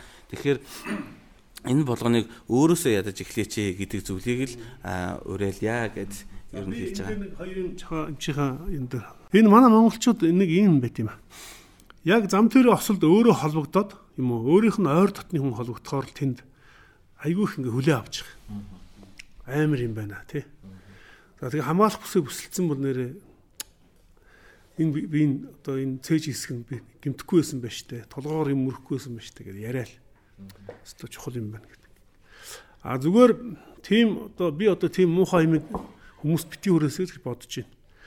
А зөв ямар нэгэн байдлаар эрсдэл юм яг бүсээ ингээ яаж бүсэлдэг гэж ингээд араараа ингээ хийцэн байж байгаад тэгээд зөвхөн дээд мөрчний хэсгийг урдуур ингээ давуулдаг байхгүй. Давуул. Хамгаалах өөрөө ямар олон хүний амьсыг аварсан гэдгийг бол манай байгууллага өөрөө тэр тоо юм байж идэх байхгүй. Хамгаалах бүстэй явсан хослын үед гэдэг бүртгэл. Бүс байгаагүй улмаас амьс нь хохирсон ямар ч одоо нөхцөл амьд гарах боломжтой байсан маш олон осол байдаг. байдаг. Тэгээ энийг манай иргэд ер нь замын хэлний дүрмийг бол энэ хүний цусаар бичигдсэн гэдэг одоо бүр чинь ганцхан манад бичсэн шүү дээ энэ чинь. Анх одоо тэр Англи улсад бичигдээ, Франц улсад бичигдээ. Тэгээд тэр Вен гэдэг хотод хуралдаад энэ конвенцтэй болоод тэр конвенцийн дагсан дүрмүүдийг улс орнууд гаргаад өөрийнхөө тэгээд тэрийг мөрдөө явж байгаа ийм зүйл байхгүй.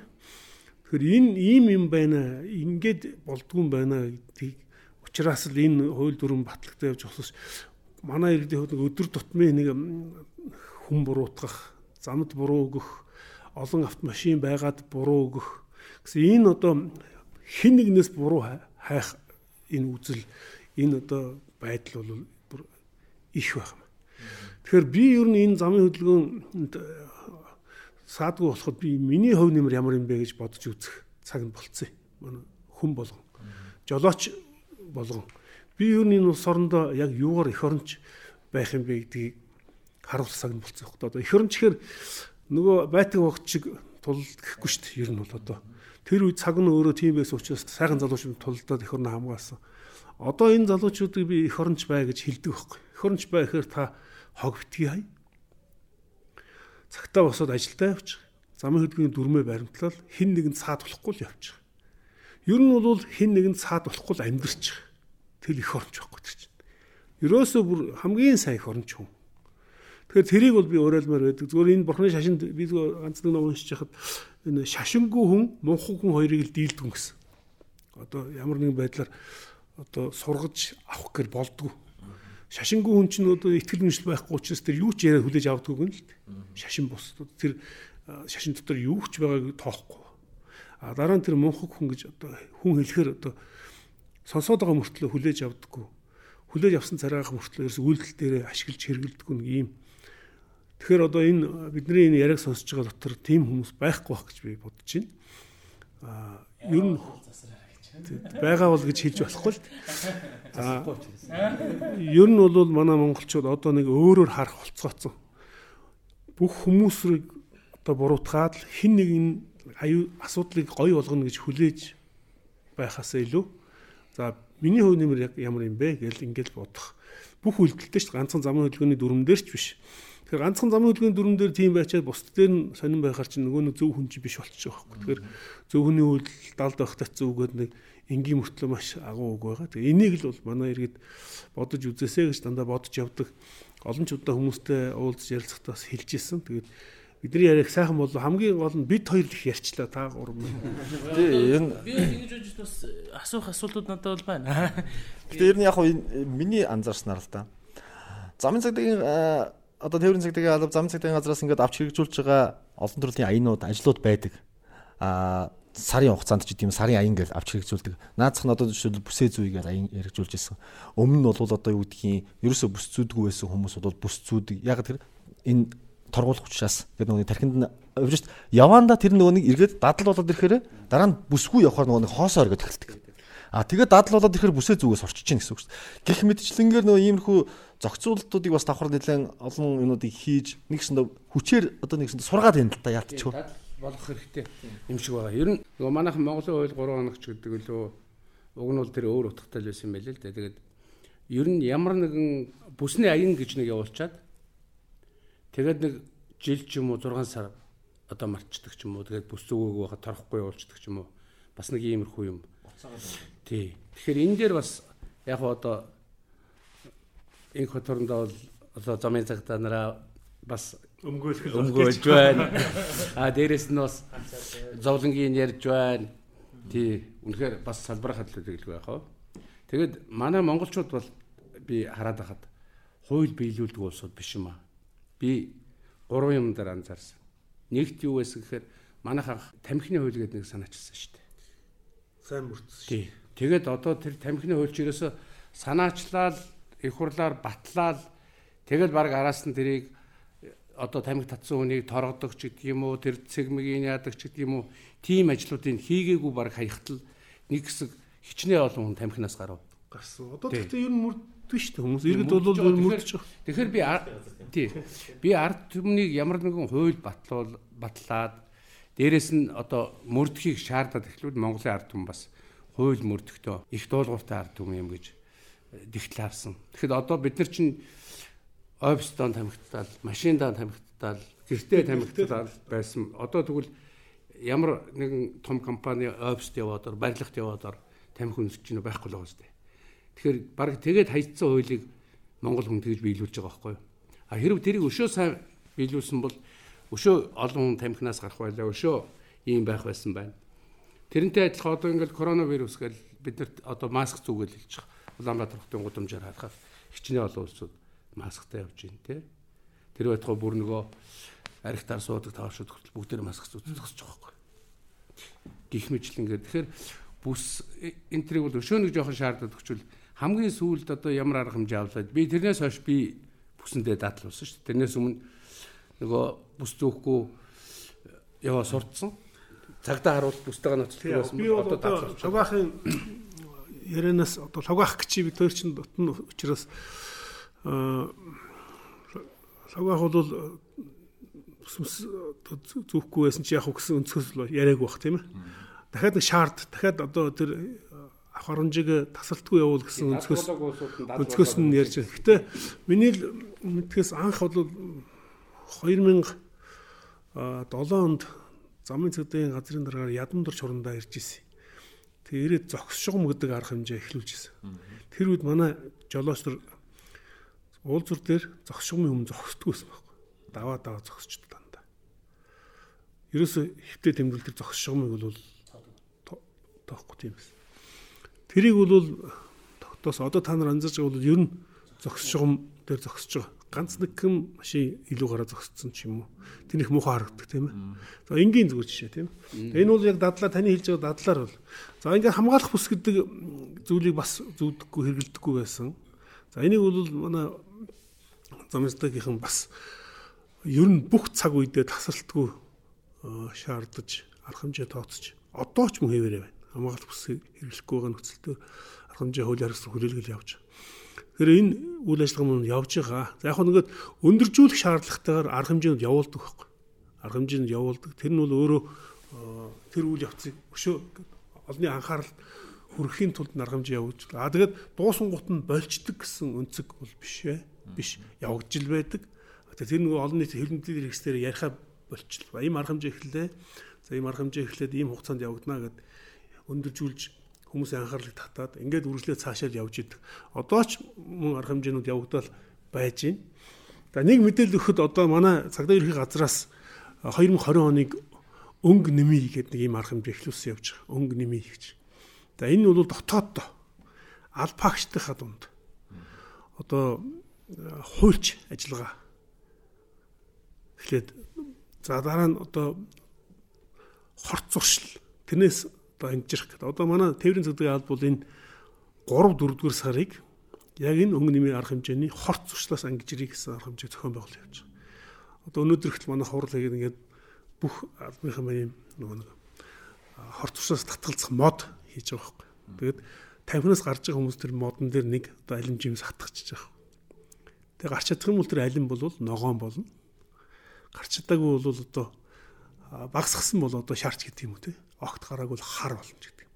Ийм байдлаар бол дотооддоо энэ цаашаа арга хэмжээнд бол тэгээд дараагийнх нь бол соёлж харьцаа мэрцээ гэдэг ингээд улсын хэмжээнд л дээ энэ бол цагдаа ерхий газрын хэмжээнд ингээд явагдаад бүх аль багшны энд хамрагдаад энэ бас үр дүнгээ өгөөл явж байгаа.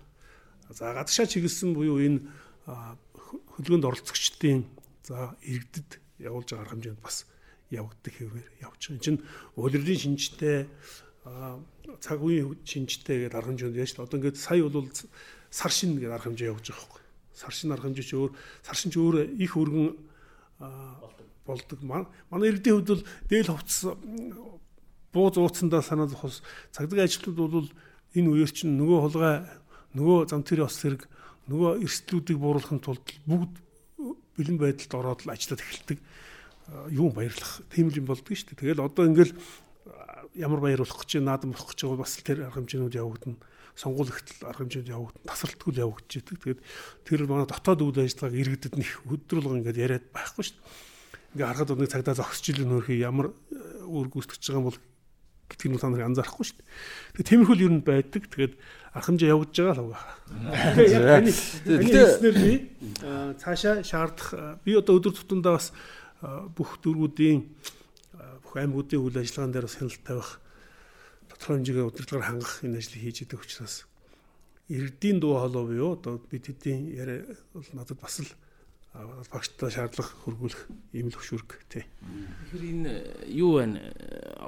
Надаа их хотоос асуух асуулт хоёр байна. Аа тэгээд хоёр оролцогчоос одоо юунаас зочдоос асуух бас дунд нь тавих хоёр асуулт байна. Эхнийх нь товчгол хариулчихгүй те.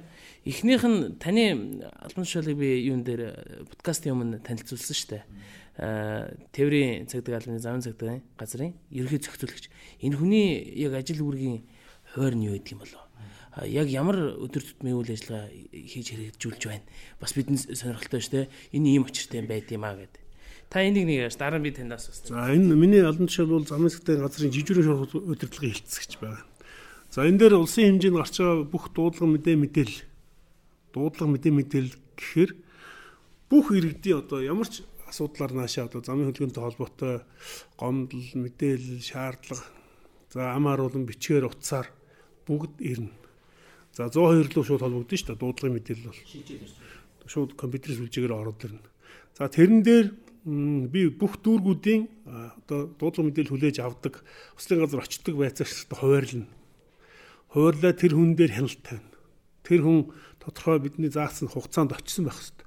Очоод ослын газрын зургийг аваад наашаа буцаага шийдсэн байх хэрэгтэй. Сүлжээг. За тэгээд ослын газар хэмжилтээ хэд дуусгаа зорчгсгөө чөлөөлөөд дараагийн дуудлага авах. За тэгээ шийдвэрлэлт. За ингээд зам тэр ос хэрэгтэй холбоотой энэ үйл явцсан. Дээр нь одоо зам тэрийн хэрэг гэж зүйл байгаа.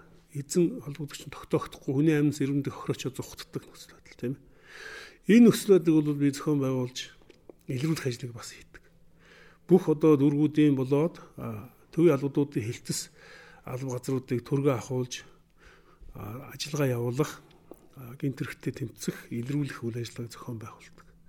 За мөн цагдаа ерхий газрын болоод бусад удирдах халуун тушаалтнуудаа мэдээ мэдээлэлээр хангаж а, зохион байгуулалтын ажил. Одоо бол манай дээр чинь дээр нь одоо тэрийн цагдаа гэд нэршсэн учраас замын хөдөлгөөний аюулгүй байдлаас гадна а, төмөр замын аюулгүй байдал, агарын тээврийн аюулгүй байдал, за түүнтэй холбоотой гэмт хэрэг зөрчил, түүнтэй холбоотой хөдөлгөөнүүд, мэдээллүүд бүгд орж ирнэ бас.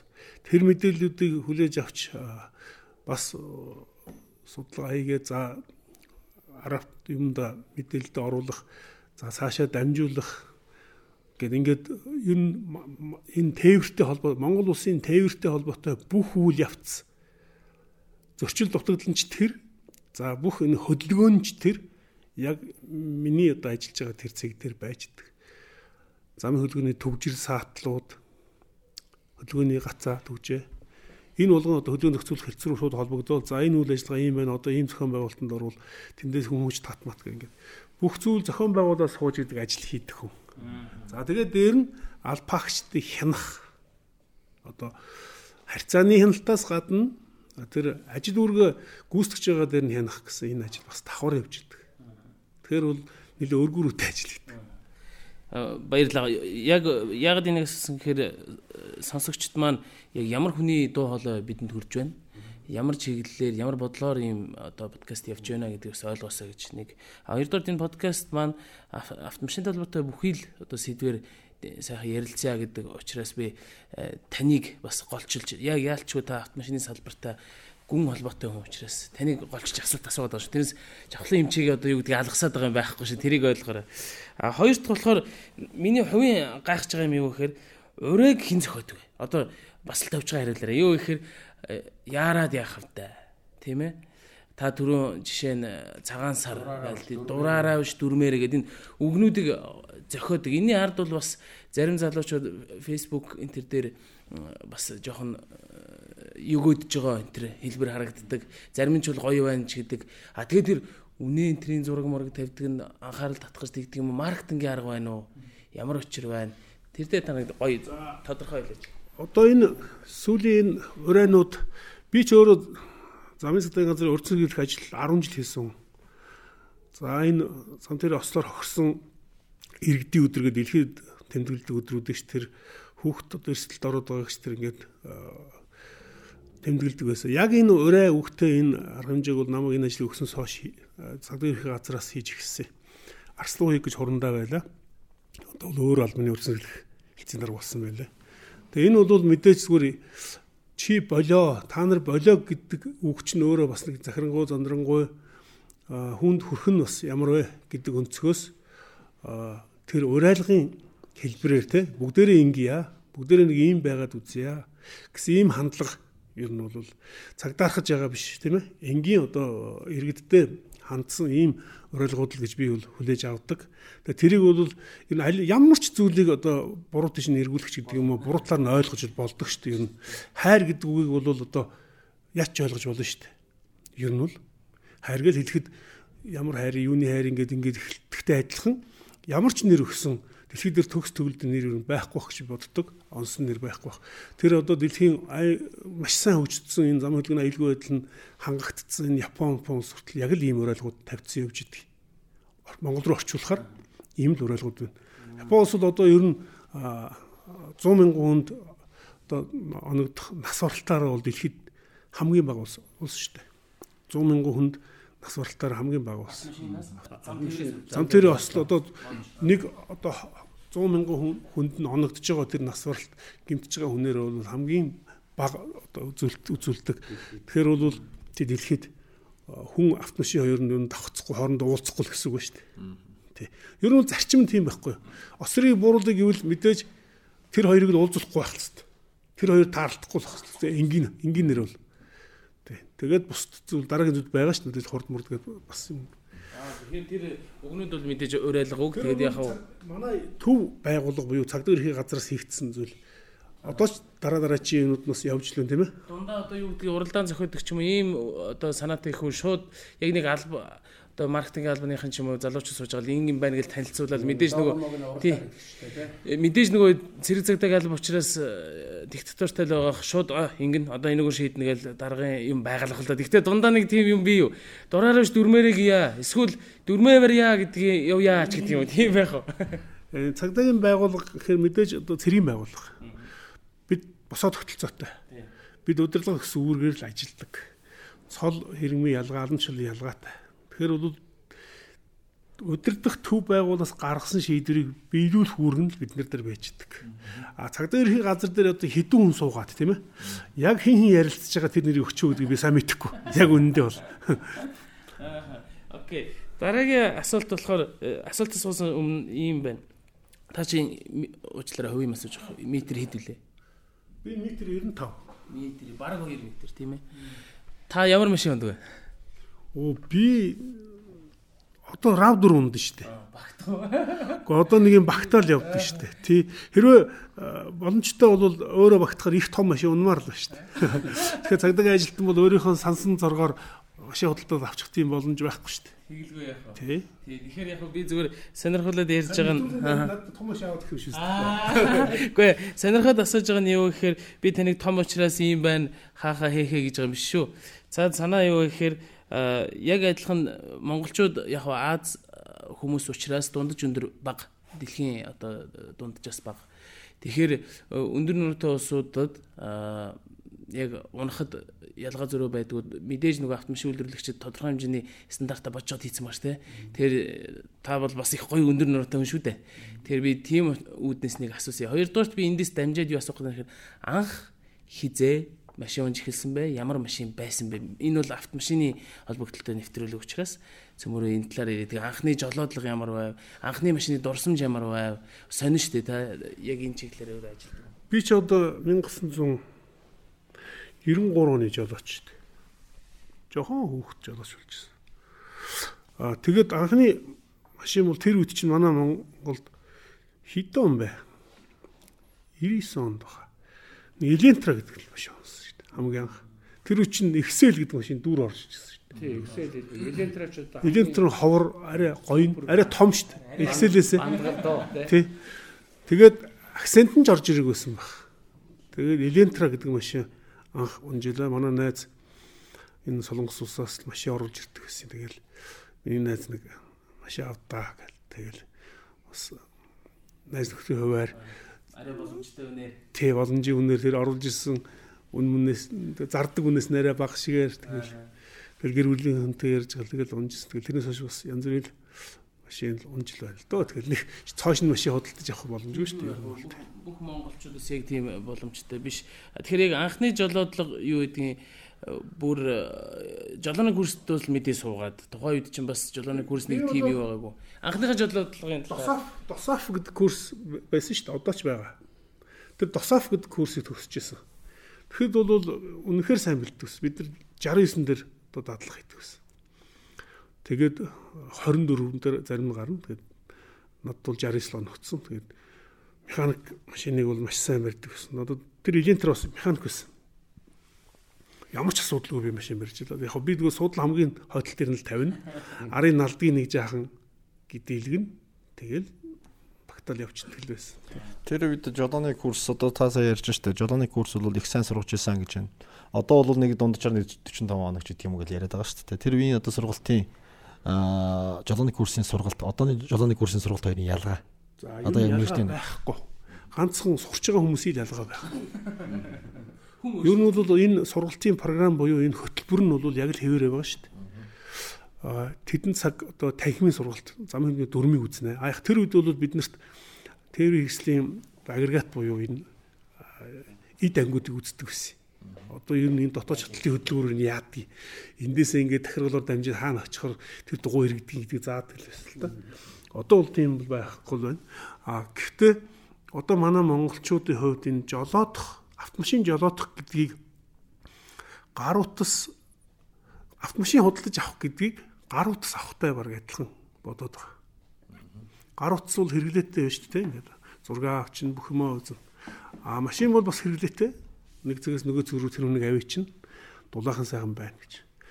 Гэтэл энэ энэ нь өөрөө сурах зүйл шүү. Энэ гар утсыг авчаал сурах гэж бөө ажилладаг шүү. Нөгөө юмнуудыг үзэл хайгаал ингээд тэнд нэнд нэгээд ингээд. Гэтэл автомашин бол өөрөө ямар хэрсэлтэй вэ гэдгийг манай иргэд бас ойлгож өгдөг л дээ. Ингээ харахаар гоё машин унсан гоё хүүхэн ч юм уу, гоё машин унсан гоё залуу явахаар л ийм л болъё гэж бодохоос биш. Автомашин жолоодод явах, за эрсдэл үүсэх үед за хурдуулах амархан зогсоох гэдэг бол заавал чадахгүй. Та физикийн хөлийг зөрчиж чаддгүй байхгүй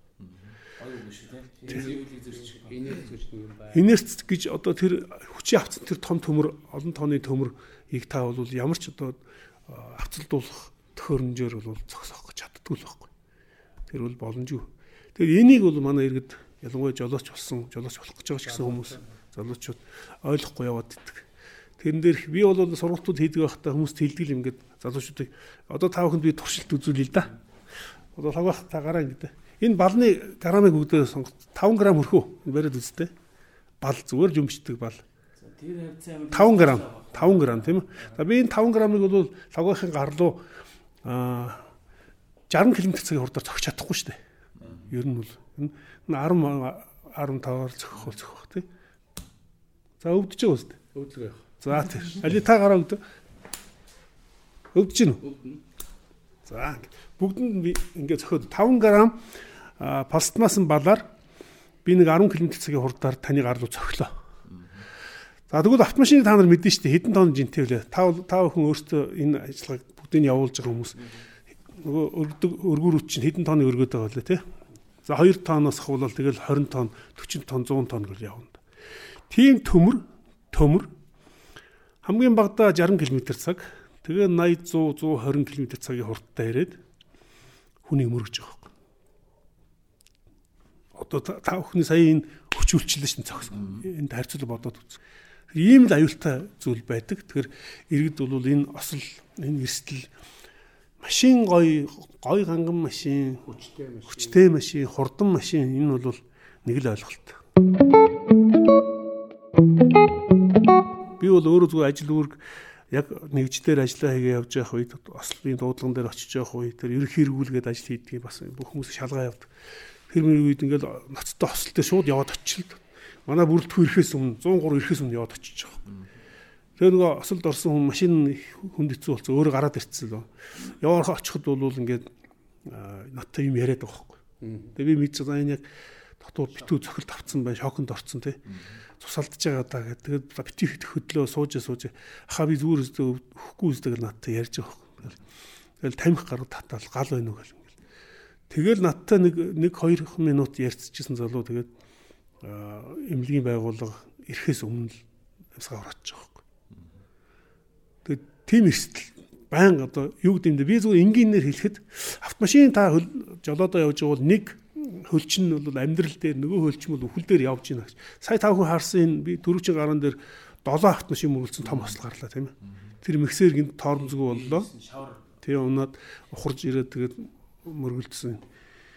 Тийм эрсдлүүд ингээд зам дээр яваад байгаа байхгүй. Тэгэхээр энэ хөвтө тэмдэглэл энэ одоо юу ч юм бол хилэц гар шиг том бетон хаан шиг бол хаадаггүй л байхгүй. Явганы гарцаар явган гарч байгаа хүмүүс өөрийгөө гарцаар гарч явахдаа би өөртөө аюулгүй явж гэж бодож байгаа юу? Үгүй шүү дээ хамгийн аюултай. Тэр машин дотор жолоодж байгаа хүмүүс дотор ууртай, согтуу бие эрүүл мэндийн хувьд одоо өөрчлөлт орцсон. Даралт нь ихтдсэн. Ян зэн хүмүүс явж байгаа байхгүй. Тэр хүмүүс нэг бол маш дадлаггүй жолооч. Одоо тийм осол зөндөө бүртгэдэг шүү дээ. Тэр дотор бол эмэгтэй хүмүүс нь бас голдуу байж идэг. Сандраа тоормд шихэрэ биш хаазал гიშгдэг. Тэгээд нөх бүр хурд нэмээд Тэгэхээр замын хөдөлгөөнд оролцох гэдэг бол өөрөө тийм амар амгалан тайван зүйл биш ээ. Иргэдэд хэрэгт бол тэр хэвтэ тэмдэглэл гарцын шугам бүх юмуд бол ингээд хамгаалдаг зүйл биш ээ. Тогтмол анхааралтай сэрэмжтэй явах хэвээр. За тэгээ хөдөлгөөнд оролцож байгаа нөгөө жолооч нар нь бол автомашиныг зүгээр өдөртмөн хэрэглээний хайнга нэг зүйл гэж бодож болохгүй. Энэ бол одоо хүний амьд зохирочдөг тийм төхөөрөмж шүү дээ. Тэгэхээр ийм байна сая дитуранда инхотын ярианаас би бас нөгөө цохон тэмдэглэх гээд байна. Нэгдүгürt физикийн хуулийг бид зөрчиж чадахгүй гэдэг бол нөгөө хошин шог дээр хилдэг шиг чихэнд яг тархинд хэлж байгаа байхгүй тий. Физикийн хуулийг бид хизээ зөрчиж чадахгүй нэг. Хоёрдугаар сая бид дөрвийн дөрүүлгийнх налга руу 5 грамын балаар цохлоо. Яг та сонсож байгаа таа ч гэсэн өөрийнхөө гар руу балаар цохиод үзээрэй. Яг хүчтэй хам хүчээрэй. Тэгэд бол хөр хөвтөл өгч байна би одоо тийм бааштай ч юм шил те. Тий. Тэгэхээр бас дахиад тархинд хилээд бас арсанд мэдрүүлж байна. Өөртөө ч гэсэн энийг мэдрээд үзчихээрэй. Ингэсний дараа тэр дээдлэн 100 тонч гэдэг юм одоо юу гэдгийг тэр 2 э, тоноос эхлээл 1.5 тоноос эхлээл явж байгаа тэр хүнд төмрүүд доотлон 60 км цагийн уртаа ирээд хүний махбодыг өмөргөнө гэдэг бол яг алгатайгаа харьцуулаад бодоход бол үнэхээр хаазнаас хөлөө амарл санагдсан байна л да. Энэ бол бас яг их гоё жишээ болж байна. А жавхлан эмчийн хувьд та яг мэрэгжлийн үнэтэй сэтгэц талдаа тэр зам яг Монгол хүний зан төрхийн онцлог энтрийг судалдаг байх би буруу санааг бол та машин барьж байхдаа яг тэр Монгол хүний зан төрхийн онцлогт тааруулаад тэр хүмүүсийг өдөрж байгаа юм шиг юу гэдгийг те за ингэчэл ингэчин тэгчэл тийг Монгол хүний зан төрхийн онцлог ийм чинь гэдэг үгээр ашиглаж явдаг эсвэл э, жолооч Монгол хүнчийн ийм чинь нэг иймэрхүү арга хэрэгжилж яахгүй да та нар гэсэн хэлэх зүйл байна. За яг тийм ийм гэж одоо оноос одоо зарим зүйлийг ярих ч одоо муу арга заасан болж байгаа. Бүгд үлэг нөхцөл ярьсан байгаа тийм тий. Харин тий. Энэ ч бас айгүй болж байгаа тийм. Гэхдээ зүгээр түрүүний анхны жишээн дээр л ярил л да. Одоо юу гэдгийг гэрэл дохио өгөхөд хажуутлаас машин дайраа ороод ирдэг гэл тий. Тэгээд аа нэг үеэл ах маань ярьж исэн. Гэрэл дохио өгсөн дээ шүү Яагаад вэ гэхээр шуурхаа явахын хорж уур шуурхаа явчихна цурдаа нэмээд шуурхаа явахгүй ойлгомжтой зам тавиад өгнөд айлч нөхцөл нь надад ямар ч байсан гарах болцоол гарч ирэх юм байна гэдэг ч юм уу те. Тэгэхээр үгүй нөгөө яг эргэх дохио. Эргэх дохио. Дохиогоо өхөөр тэр хүнийг өдөрдөж штэ цаагаараа. Дохио гэж нэг чинь явуул юу? Сүл би орлоо шүү. Гэсэн дохио л штэ цагийг хэрэгсэн шүү дохио. Би ингэх гээд байна. Тий. Торон зэшгүй 2 лонглоос чи би зогсох гэж байна. Тий гэдэг нөхцөл ч юм уу нөгөө тэгүр бас нэг хэлмээр одоо миний хувьд урайлмаар гэдэг ч юм уу зүйл байгаа тий. Замын хөдөлгөөнд оролцохдоо аль нэгнэндээ яаж барай эзэлж байгаагаа тэр хүн урднаас уг нь тооцоолж ивэл их зүгээр юмсан. Манайхан нэг гинтийн үйлдэл их гаргадаг. Ерөнхийдөө би одоо энэгээр иргэнэ гээл те шууд дардаг юм уу те. Дохио өгөхгүй орчвол хүмүүс оруулчихдээ гэдэг те. Тийм. Тэгээд аль эсвэл ерөөсөө би энэний урдуур хамраал оруулчих юм бол одоо нэг юу яадаг шиг. Тий. Одоо намайг мөргөх юм бол миний одоо артлын хаалгыг мөргөх учраас энэ буруудна гэдэг ч юм уу те. Нэг тийм хутган яваадах шиг байгаад байдаг. Ер нь. Тэгэхээр энийг одоо ер нь бол дүрм журмаараа гэдэг уг нь дүрм журм гэдэг цөөхөн хитэн дүрм зөрчдөг хүмүүс зориулсан л ид болохоос биш яг бүх хүнд зориулсан гэж би дотроо бододгүй. Аа цэвэр ухамсарын асуудал шүү дээ. Бид нар нөгөө нийгэмс орчинд ухамсарын төвшөнд байгаа учраас тэгэхээр би тим юм арга хэрэгэлдэг гэхээсээ илүү та бүхэн өөртөө таарсан тэр зүйлсүүдээ олоод хийгээд явчаач. Миний хувьд бол замын хөдөлгөөнд яаж оролцдог вэ гэхээр гэрэл тохиолдол төлөхөө ашиг ажигладаг гэх юм уу да. Одоо нэг гэрэл тохио ногоон асж байгаа дараагийн гэрэл тохио хизээ ногоон асах вэ гэдгийг хит хит яваад үтсний дараа л анзаарчдаг. Тэгэхээр энэ энэгээр ингээ явчих юм бол машинууд ингээд ингээд урсаад явцдаг шүү гэдэг зүйл тэртээ тэргүй хоорондоо уялдаатай байдаг. Энэ бол энгийн ямар ч жолооч хүн ажиглачаар зүйл байгаад байдаг. Тэгэхээр энийг баримтлаач юм энийг явуучвал харьцангуй ер нь бол гайгүй хурдан явцдаг шүү. Төгжрөл хууль дөрмийн хамгаалтанд орно гэж үг байдаг байхгүй юу? Хамгаалтанд орно гэж. Тэгэхээр жавхлын чи ярьж байгаа яг тийм байхгүй. Та дөрмээрээ явж чадсан бол тэрний хамгаалтанд орчиж байгаа Тэгээ би одоо энэ дээр нэг жижигхэн жишээ хэлчих. Ер нь манай монголчууд хувийн зохион байгуулалтгүйгээ сайн болоод осолд орцсон байт. Хувь хүнийхэн зохион байгуулалт. Би хэрвээ өнөөдөр маргааш өглөө ажилтайгаа мэдсэн бол нэг найзынхын төрсөн өдөрт очихгүйгээр орой цагтаа очиод хоолоо идээд гэр бүлийнхэнтэйгээ амраад цагтаа унтсан бол өглөө цагтаас ирж штэ. Цагтаас ирээд өөрийгөө 30 минут цэвэрлээд ингээд цагтаа гараа явахаар тэр хүн яахгүй явсаар байгаад хин нэгний урд дур дайрахгүй явж байгаад ажил руу орчиж байхгүй. За би нэг доржийн төрс өдөрт очичий. Хоёр нас биеиндээ хайртайгаа хачин сайхныгаа магцаар байгаад мэдээж одоо мужик цан гаргаад гээд ингээд нэг хоёр пивно 100 хэдэн 100 г бол ингээд нэг хоёр цаг хүрчдэг байхгүй. За тэгээ одоо эр хүн байдаг л зүйл шүү дээ зарим тайлбарлана тийм ээ. Тэгээ гэртээ шүн орно. Орохоор эхнэр нь зарим ууртай эхнэр бол нэг 30 минут 2 үг хэлнэ шүү дээ. За хилдгүмаа гэхэд нөгөөч орсон хөтл 3 цаг бол нороод нэг унтаад тэгээ өглөө 7-д босох хүн чинь 8-д 10-д тохс ирж байгаа байхгүй. Эхнэр нь хүчээр босоо. Чи ажлаас хоцорчлоо шүү дээ. Тэр хүн яадаг вэ гэвэл тэр хүн хизээш одоо тэр үед нөгөө дөрмийн заалт нөгөө гэрэл дохоо юу бодогддог хэрэгсэл нь нүүр харагдаад хурлын цаг дараагийн нүр хоёр харагдаад. Тэгээд цалиа хасна гэл ингээд бодогдод. Тэгэхээр тэр тийм нөхцөлтэй хүмүүс бол дүрм зөрчөөд урдуур хойгуур дайр хэн нэгнийг гомдоод гол гондоо хараад гол хараа загнадаг гол загнаад ингээд тэгээ нөгөө цагдаатайгаар тааралтчуд бүр хараагаад ингээд асуудал үүсэж байгаа. Тэгэхээр энэ их их энэ зөрчил гаргаж байгаа энэ энийг хүндүүлээд байгаа юмнууд хувийн зохион байгуулалт шууд холбоотой. Гэтэл би зөв судалж үзсэн орчуулагч хүнээр Японд сурсан залуу мөлөө Германд сурсан.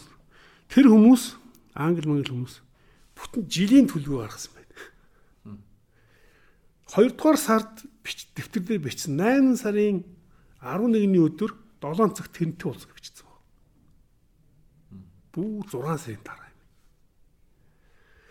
Яг хоо манайхан яриач тэг төлөвлөж чадахгүй л тийм тийм одоо төлөвлөгөөтэй амьдрах тийм төвшөнд очиагүй юм манай Монгол улс чинь нүүдэлч чинь ерөөс өнөөдөр шуурлаа маргааш нүүдэг шүү дээ. Тэгээс оо болоогүйгээд байхгүй. Тэгэхээр бол тэр хоёрын зүрүү гараад идэх. Тэгэхээр энийг бол би муутгаад байгаа юм биш. А зүгээр сая ихний ярьдаг тэр зохион байгуулалтын асуудал шүү дээ. Нэг жижигхэн зохион байгуулалт. Цагтаа унт, цагтаа ус, цагтаа хооллох гэж. Энэ миний бол хийчих боломжтой л байхгүй тийм ээ. Тэгээ энэ дутагдсанаас уулж тэгэл их их хүмүүсийн ингээд ослынхын дараа би асуудаг байхгүй. Яг дөнгөж хослих нь газар дээр нь очиод хаашаа явж исэн гэж асуухаар ажил руу юм уу нэг газар хэлнэ. Тэгээ оцох гэсэн харин тийм ээ би ингэсэн ба гэж. Ихэнх нь тийм яарсан л гэдэг. Сайхан тайван яваа. Тийм л бас хандлага байдаг. Тэгэхээр энийг бол сонсож байгаа хүмүүс бас хэрэгтэй гэж боддог юм. Одоо тэгтээ бас нэг үе бодвол одоо мэдээж сошиал ертөнц хөгжсөн манай залуучууд одоо энэ машин ингэчлээ тэгчлээ гэж зургийг аваад хүртэл одоо бас дүрм зөрчиж байгаа байдлуудыг хүртэл бас бие биедээ ер нь цагдаагийн байгууллагад хүртэл мэдэгдээд мэдэгдэг тал бас санзарагдаж байна. Зарим зүйл төр одоо гэрэл төхөөгөө өгөх мэдээж урдуураа орсон бол аваараа татаад баярлалаа гэх холын замд бол тээврийн жолооч одоо том машинтай харагдах орчин одоо үзэгдэх одоо орчин хангалтгүй байгаа үед тохиогоороо хүртэл урд машин байна байхгүй байна гэдгийг бол мэдээлээд явчих хэмчлэнгээр тодорхой зүйлүүдэд бол баг багаар манайхан бол суралцж байна, соёлжж байна, баг багаар ахиж байна гэж би бол бас харж байгаа. Тэгэхээр дүрм зөрчдөг нь бол ер нь биний л хуваар нь 15% л байдаг шүү дээ одоо нэг жоохон танхаарч гэдэг юм уу те хэнэггүйтг нь бол 15% л гэж би үздэг. Маш дүрмээр явдаг одоо мөрддөг хүмүүс бол маш их бий. Тэр хүмүүстэй бол үргэлж баярлж явдаг. Энэ дарамт бол бас сонсож байгаа хүмүүсийн маань хэдэн хүмүүс тийм хүмүүс байгаа. За яхаа заримдаа сэхлэх гуддаг хүмүүс нь болоорой. Энэ хүний амьтаа холбоотой шүү гэж. Яа за. Тэгэд ерөнхийдөө бидний ярилцлага бол өндөрлөх хугацаа болж байна. Хамгийн сүүлд нь би нэг энэ замын хөдөлгөөний соёл гэдэг дээр би нэг зүйлийг асууя гэж бодод байгаа. Замын өдгөөний соёл гэхээр жолоочтой холбож ярьдаг. Жолооч автомашин барьж байгаа жолооч. А гэтэл мэдээж замын хөдөлгөөний соёл бас давхар явган зорчигч ордог. А явган зорчигч төр та бас нэг а асуудал гардаг асуудлыг товчхон бөгөөд а дээрэс нь тэдэнд бас нэг уриалга зөвлөгөө өгөөч гэж хүсэж байна. За Монгол улсын дөрмээр одоо зорчих хэсгийг хөндлөн гарч байгаа явган зорчигч гарцгүй гарамгүй хэсгээр гарвал за тэгээд түүний улмаас зам тэр осолд холбогдоод амьсан тохирох тухай өөрийнхөө буруутай үйлдэлээр шийдэгдэж байгаа. Жолооч зөксөө харгамж хэдий харсан ч гэсэн зөксөө харгамж аваад тэгээ зарим нь харахгүй ч өнгөрч байгаа шүү дээ. Гинтгүүгээ гараад байна тийм ээ. Тэр дээр бол жолоочийн буруутай үйлдэл тогтоогдохгүй байна гэдэг хэрэг бол хаагддаг. Тэгэхээр өнөөдөр Монгол улсад гарцтай гарамтай хэсгээр гараа гэдэг хууль үйлчилж байгаа. Дөрөв үйлчилж байгаа. За манай иргэдийн хувьд за одоо бас тодорхой хэмжээгээр нөхөн гарцууд, гүүрэн гарцууд хийгээд эхэлж байна те. Овоо хийж байна. А тусгаарлах хайсууд хийж байна. Зочгсын голоор хүчээр хязгаарлаж шít явганы хөдөлгөөн. Гэхдээ л явганы хөдөлгөөн бол байсан хэврээ байгаа. Хэврээ байгаа. За энэ бол мэдээж сургалт сурталчилгаа баг байгаа. Хариуцлагын тогтолцоо байхгүй. Өнөөдөр замын цагдаагийн ажилтан хөдөлгөөнөө зохицуулаад нөгөө хэдэн зуун мянган тээврийн эсэлтэд арга хэмжээ тооцож хүрхгүй шахуу байж хахад нөгөө явган хүнийг очиод зөксөөгөө торох тийм боломжгүй. Тэд нэр торгуулахгүй. Урлан, загнан, уран хувцсыг. Тэгэхээр энэ одоо нэг хөшүүрэг хэрэгтэй байгаа. Нэгдүгürt одоо ухамсарлах хэвээр хой хүн өөрөө монголчууд цөөхөлөө учраас өөрийгөө хайрлах хэвээр бусдыг хайрлах хэвээр. А дараа нь бол энэ явган зорчигчдыг хяндаг харилцаа тооцдог тийм зохион байгуулалтын ажил хэрэгтэй байгаа. Энийг бол цагдаагийн байгууллага ямар ч гэсэн янз бүрийн аргаар үзэж байна. Нөгөө хүн хүч оронтоо цалин хөлсөө нэмж чадахгүй учраас хүн ажиллаж болдоггүй. Бид нар одоо жолооны курсд суралцж байгаа хүмүүсийг хүртэл хөшүүрхтэйгээр төлбөрийн одоо жолооны курсүүдтэйгээ яриа нөгөө жолооны курсууд маань бас нийгмийн хариуцлага ухамсарлаад миний одоо ажиллаж байгаа үед бол тэр хүмүүсийг одоо тодорхой хугацаанд зам зорчигч дээр одоо явганы төлөвлөгөөн дээр ажилуулад нөгөө жолоодох курсыг одоо үн төлбөргүй суралцуулаад шалгалтын аваа төгсөх.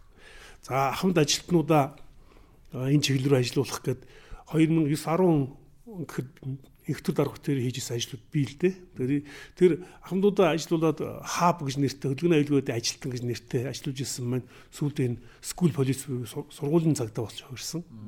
Тэгээ анхны эхлэл нь бол ихтер дарга дээр хийсэн. За тэгээд цаашаа энийг сурагчийн холбоо цааш наваад ерөөс сургууль очиндоо ингээ эцэгчүүдийг ажилуулчих гэдэг ингээд явсан маань үр дүн төрөөд одоо бол тогтсон ажил болсон шүү дээ эцэг. Энэ бол маш сайн ажил болсон.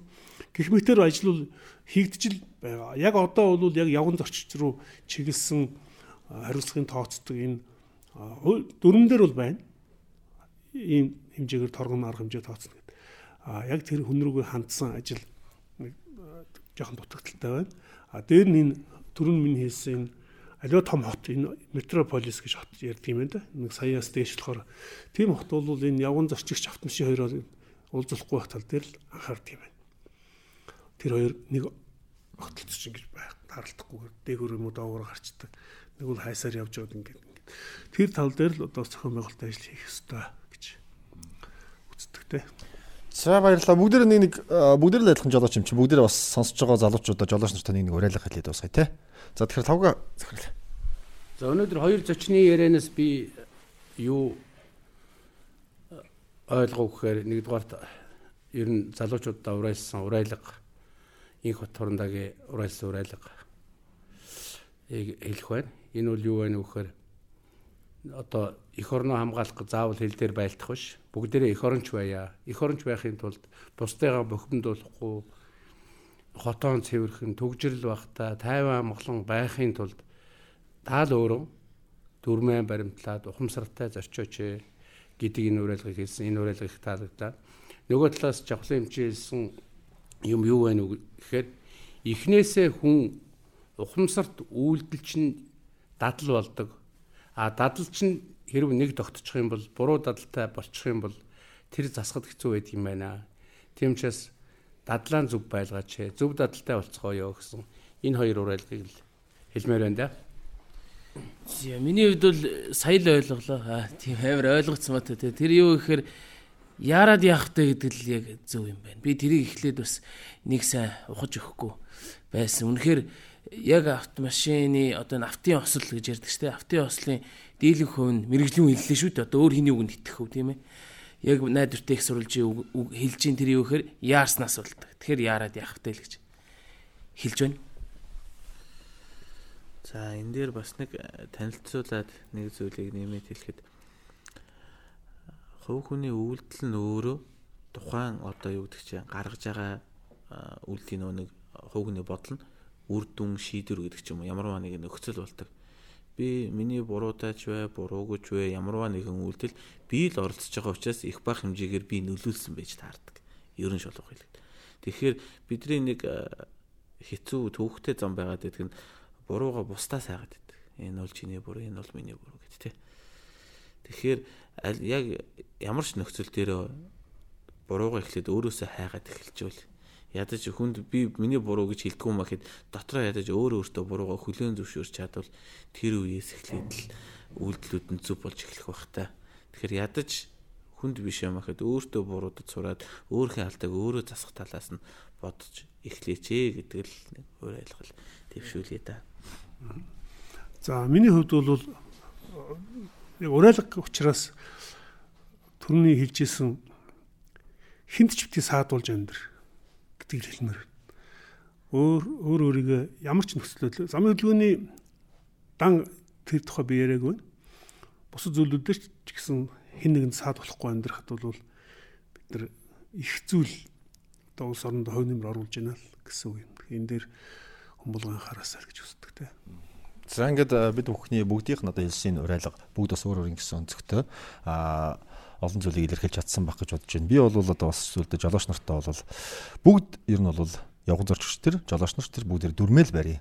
Дүрмээ барих юм бол та дүрмээ барьж би дүрмээ барин та дүрмээ барин гэх юм бол ямар нэгэн аваар усал аюул гарахгүй юм байна гэдгийг бас жолооч нартай урайлъя. Тэгээд бүх одоо монголчуудаа залуучуудаа а эрүүл хийх хүсье. Бүгдэнд нь баярлалаа. Үлжээтэй бол болтгоо гэдэг. Ерөөл өргөе. За. За баярлалаа. Хол харж хол явна.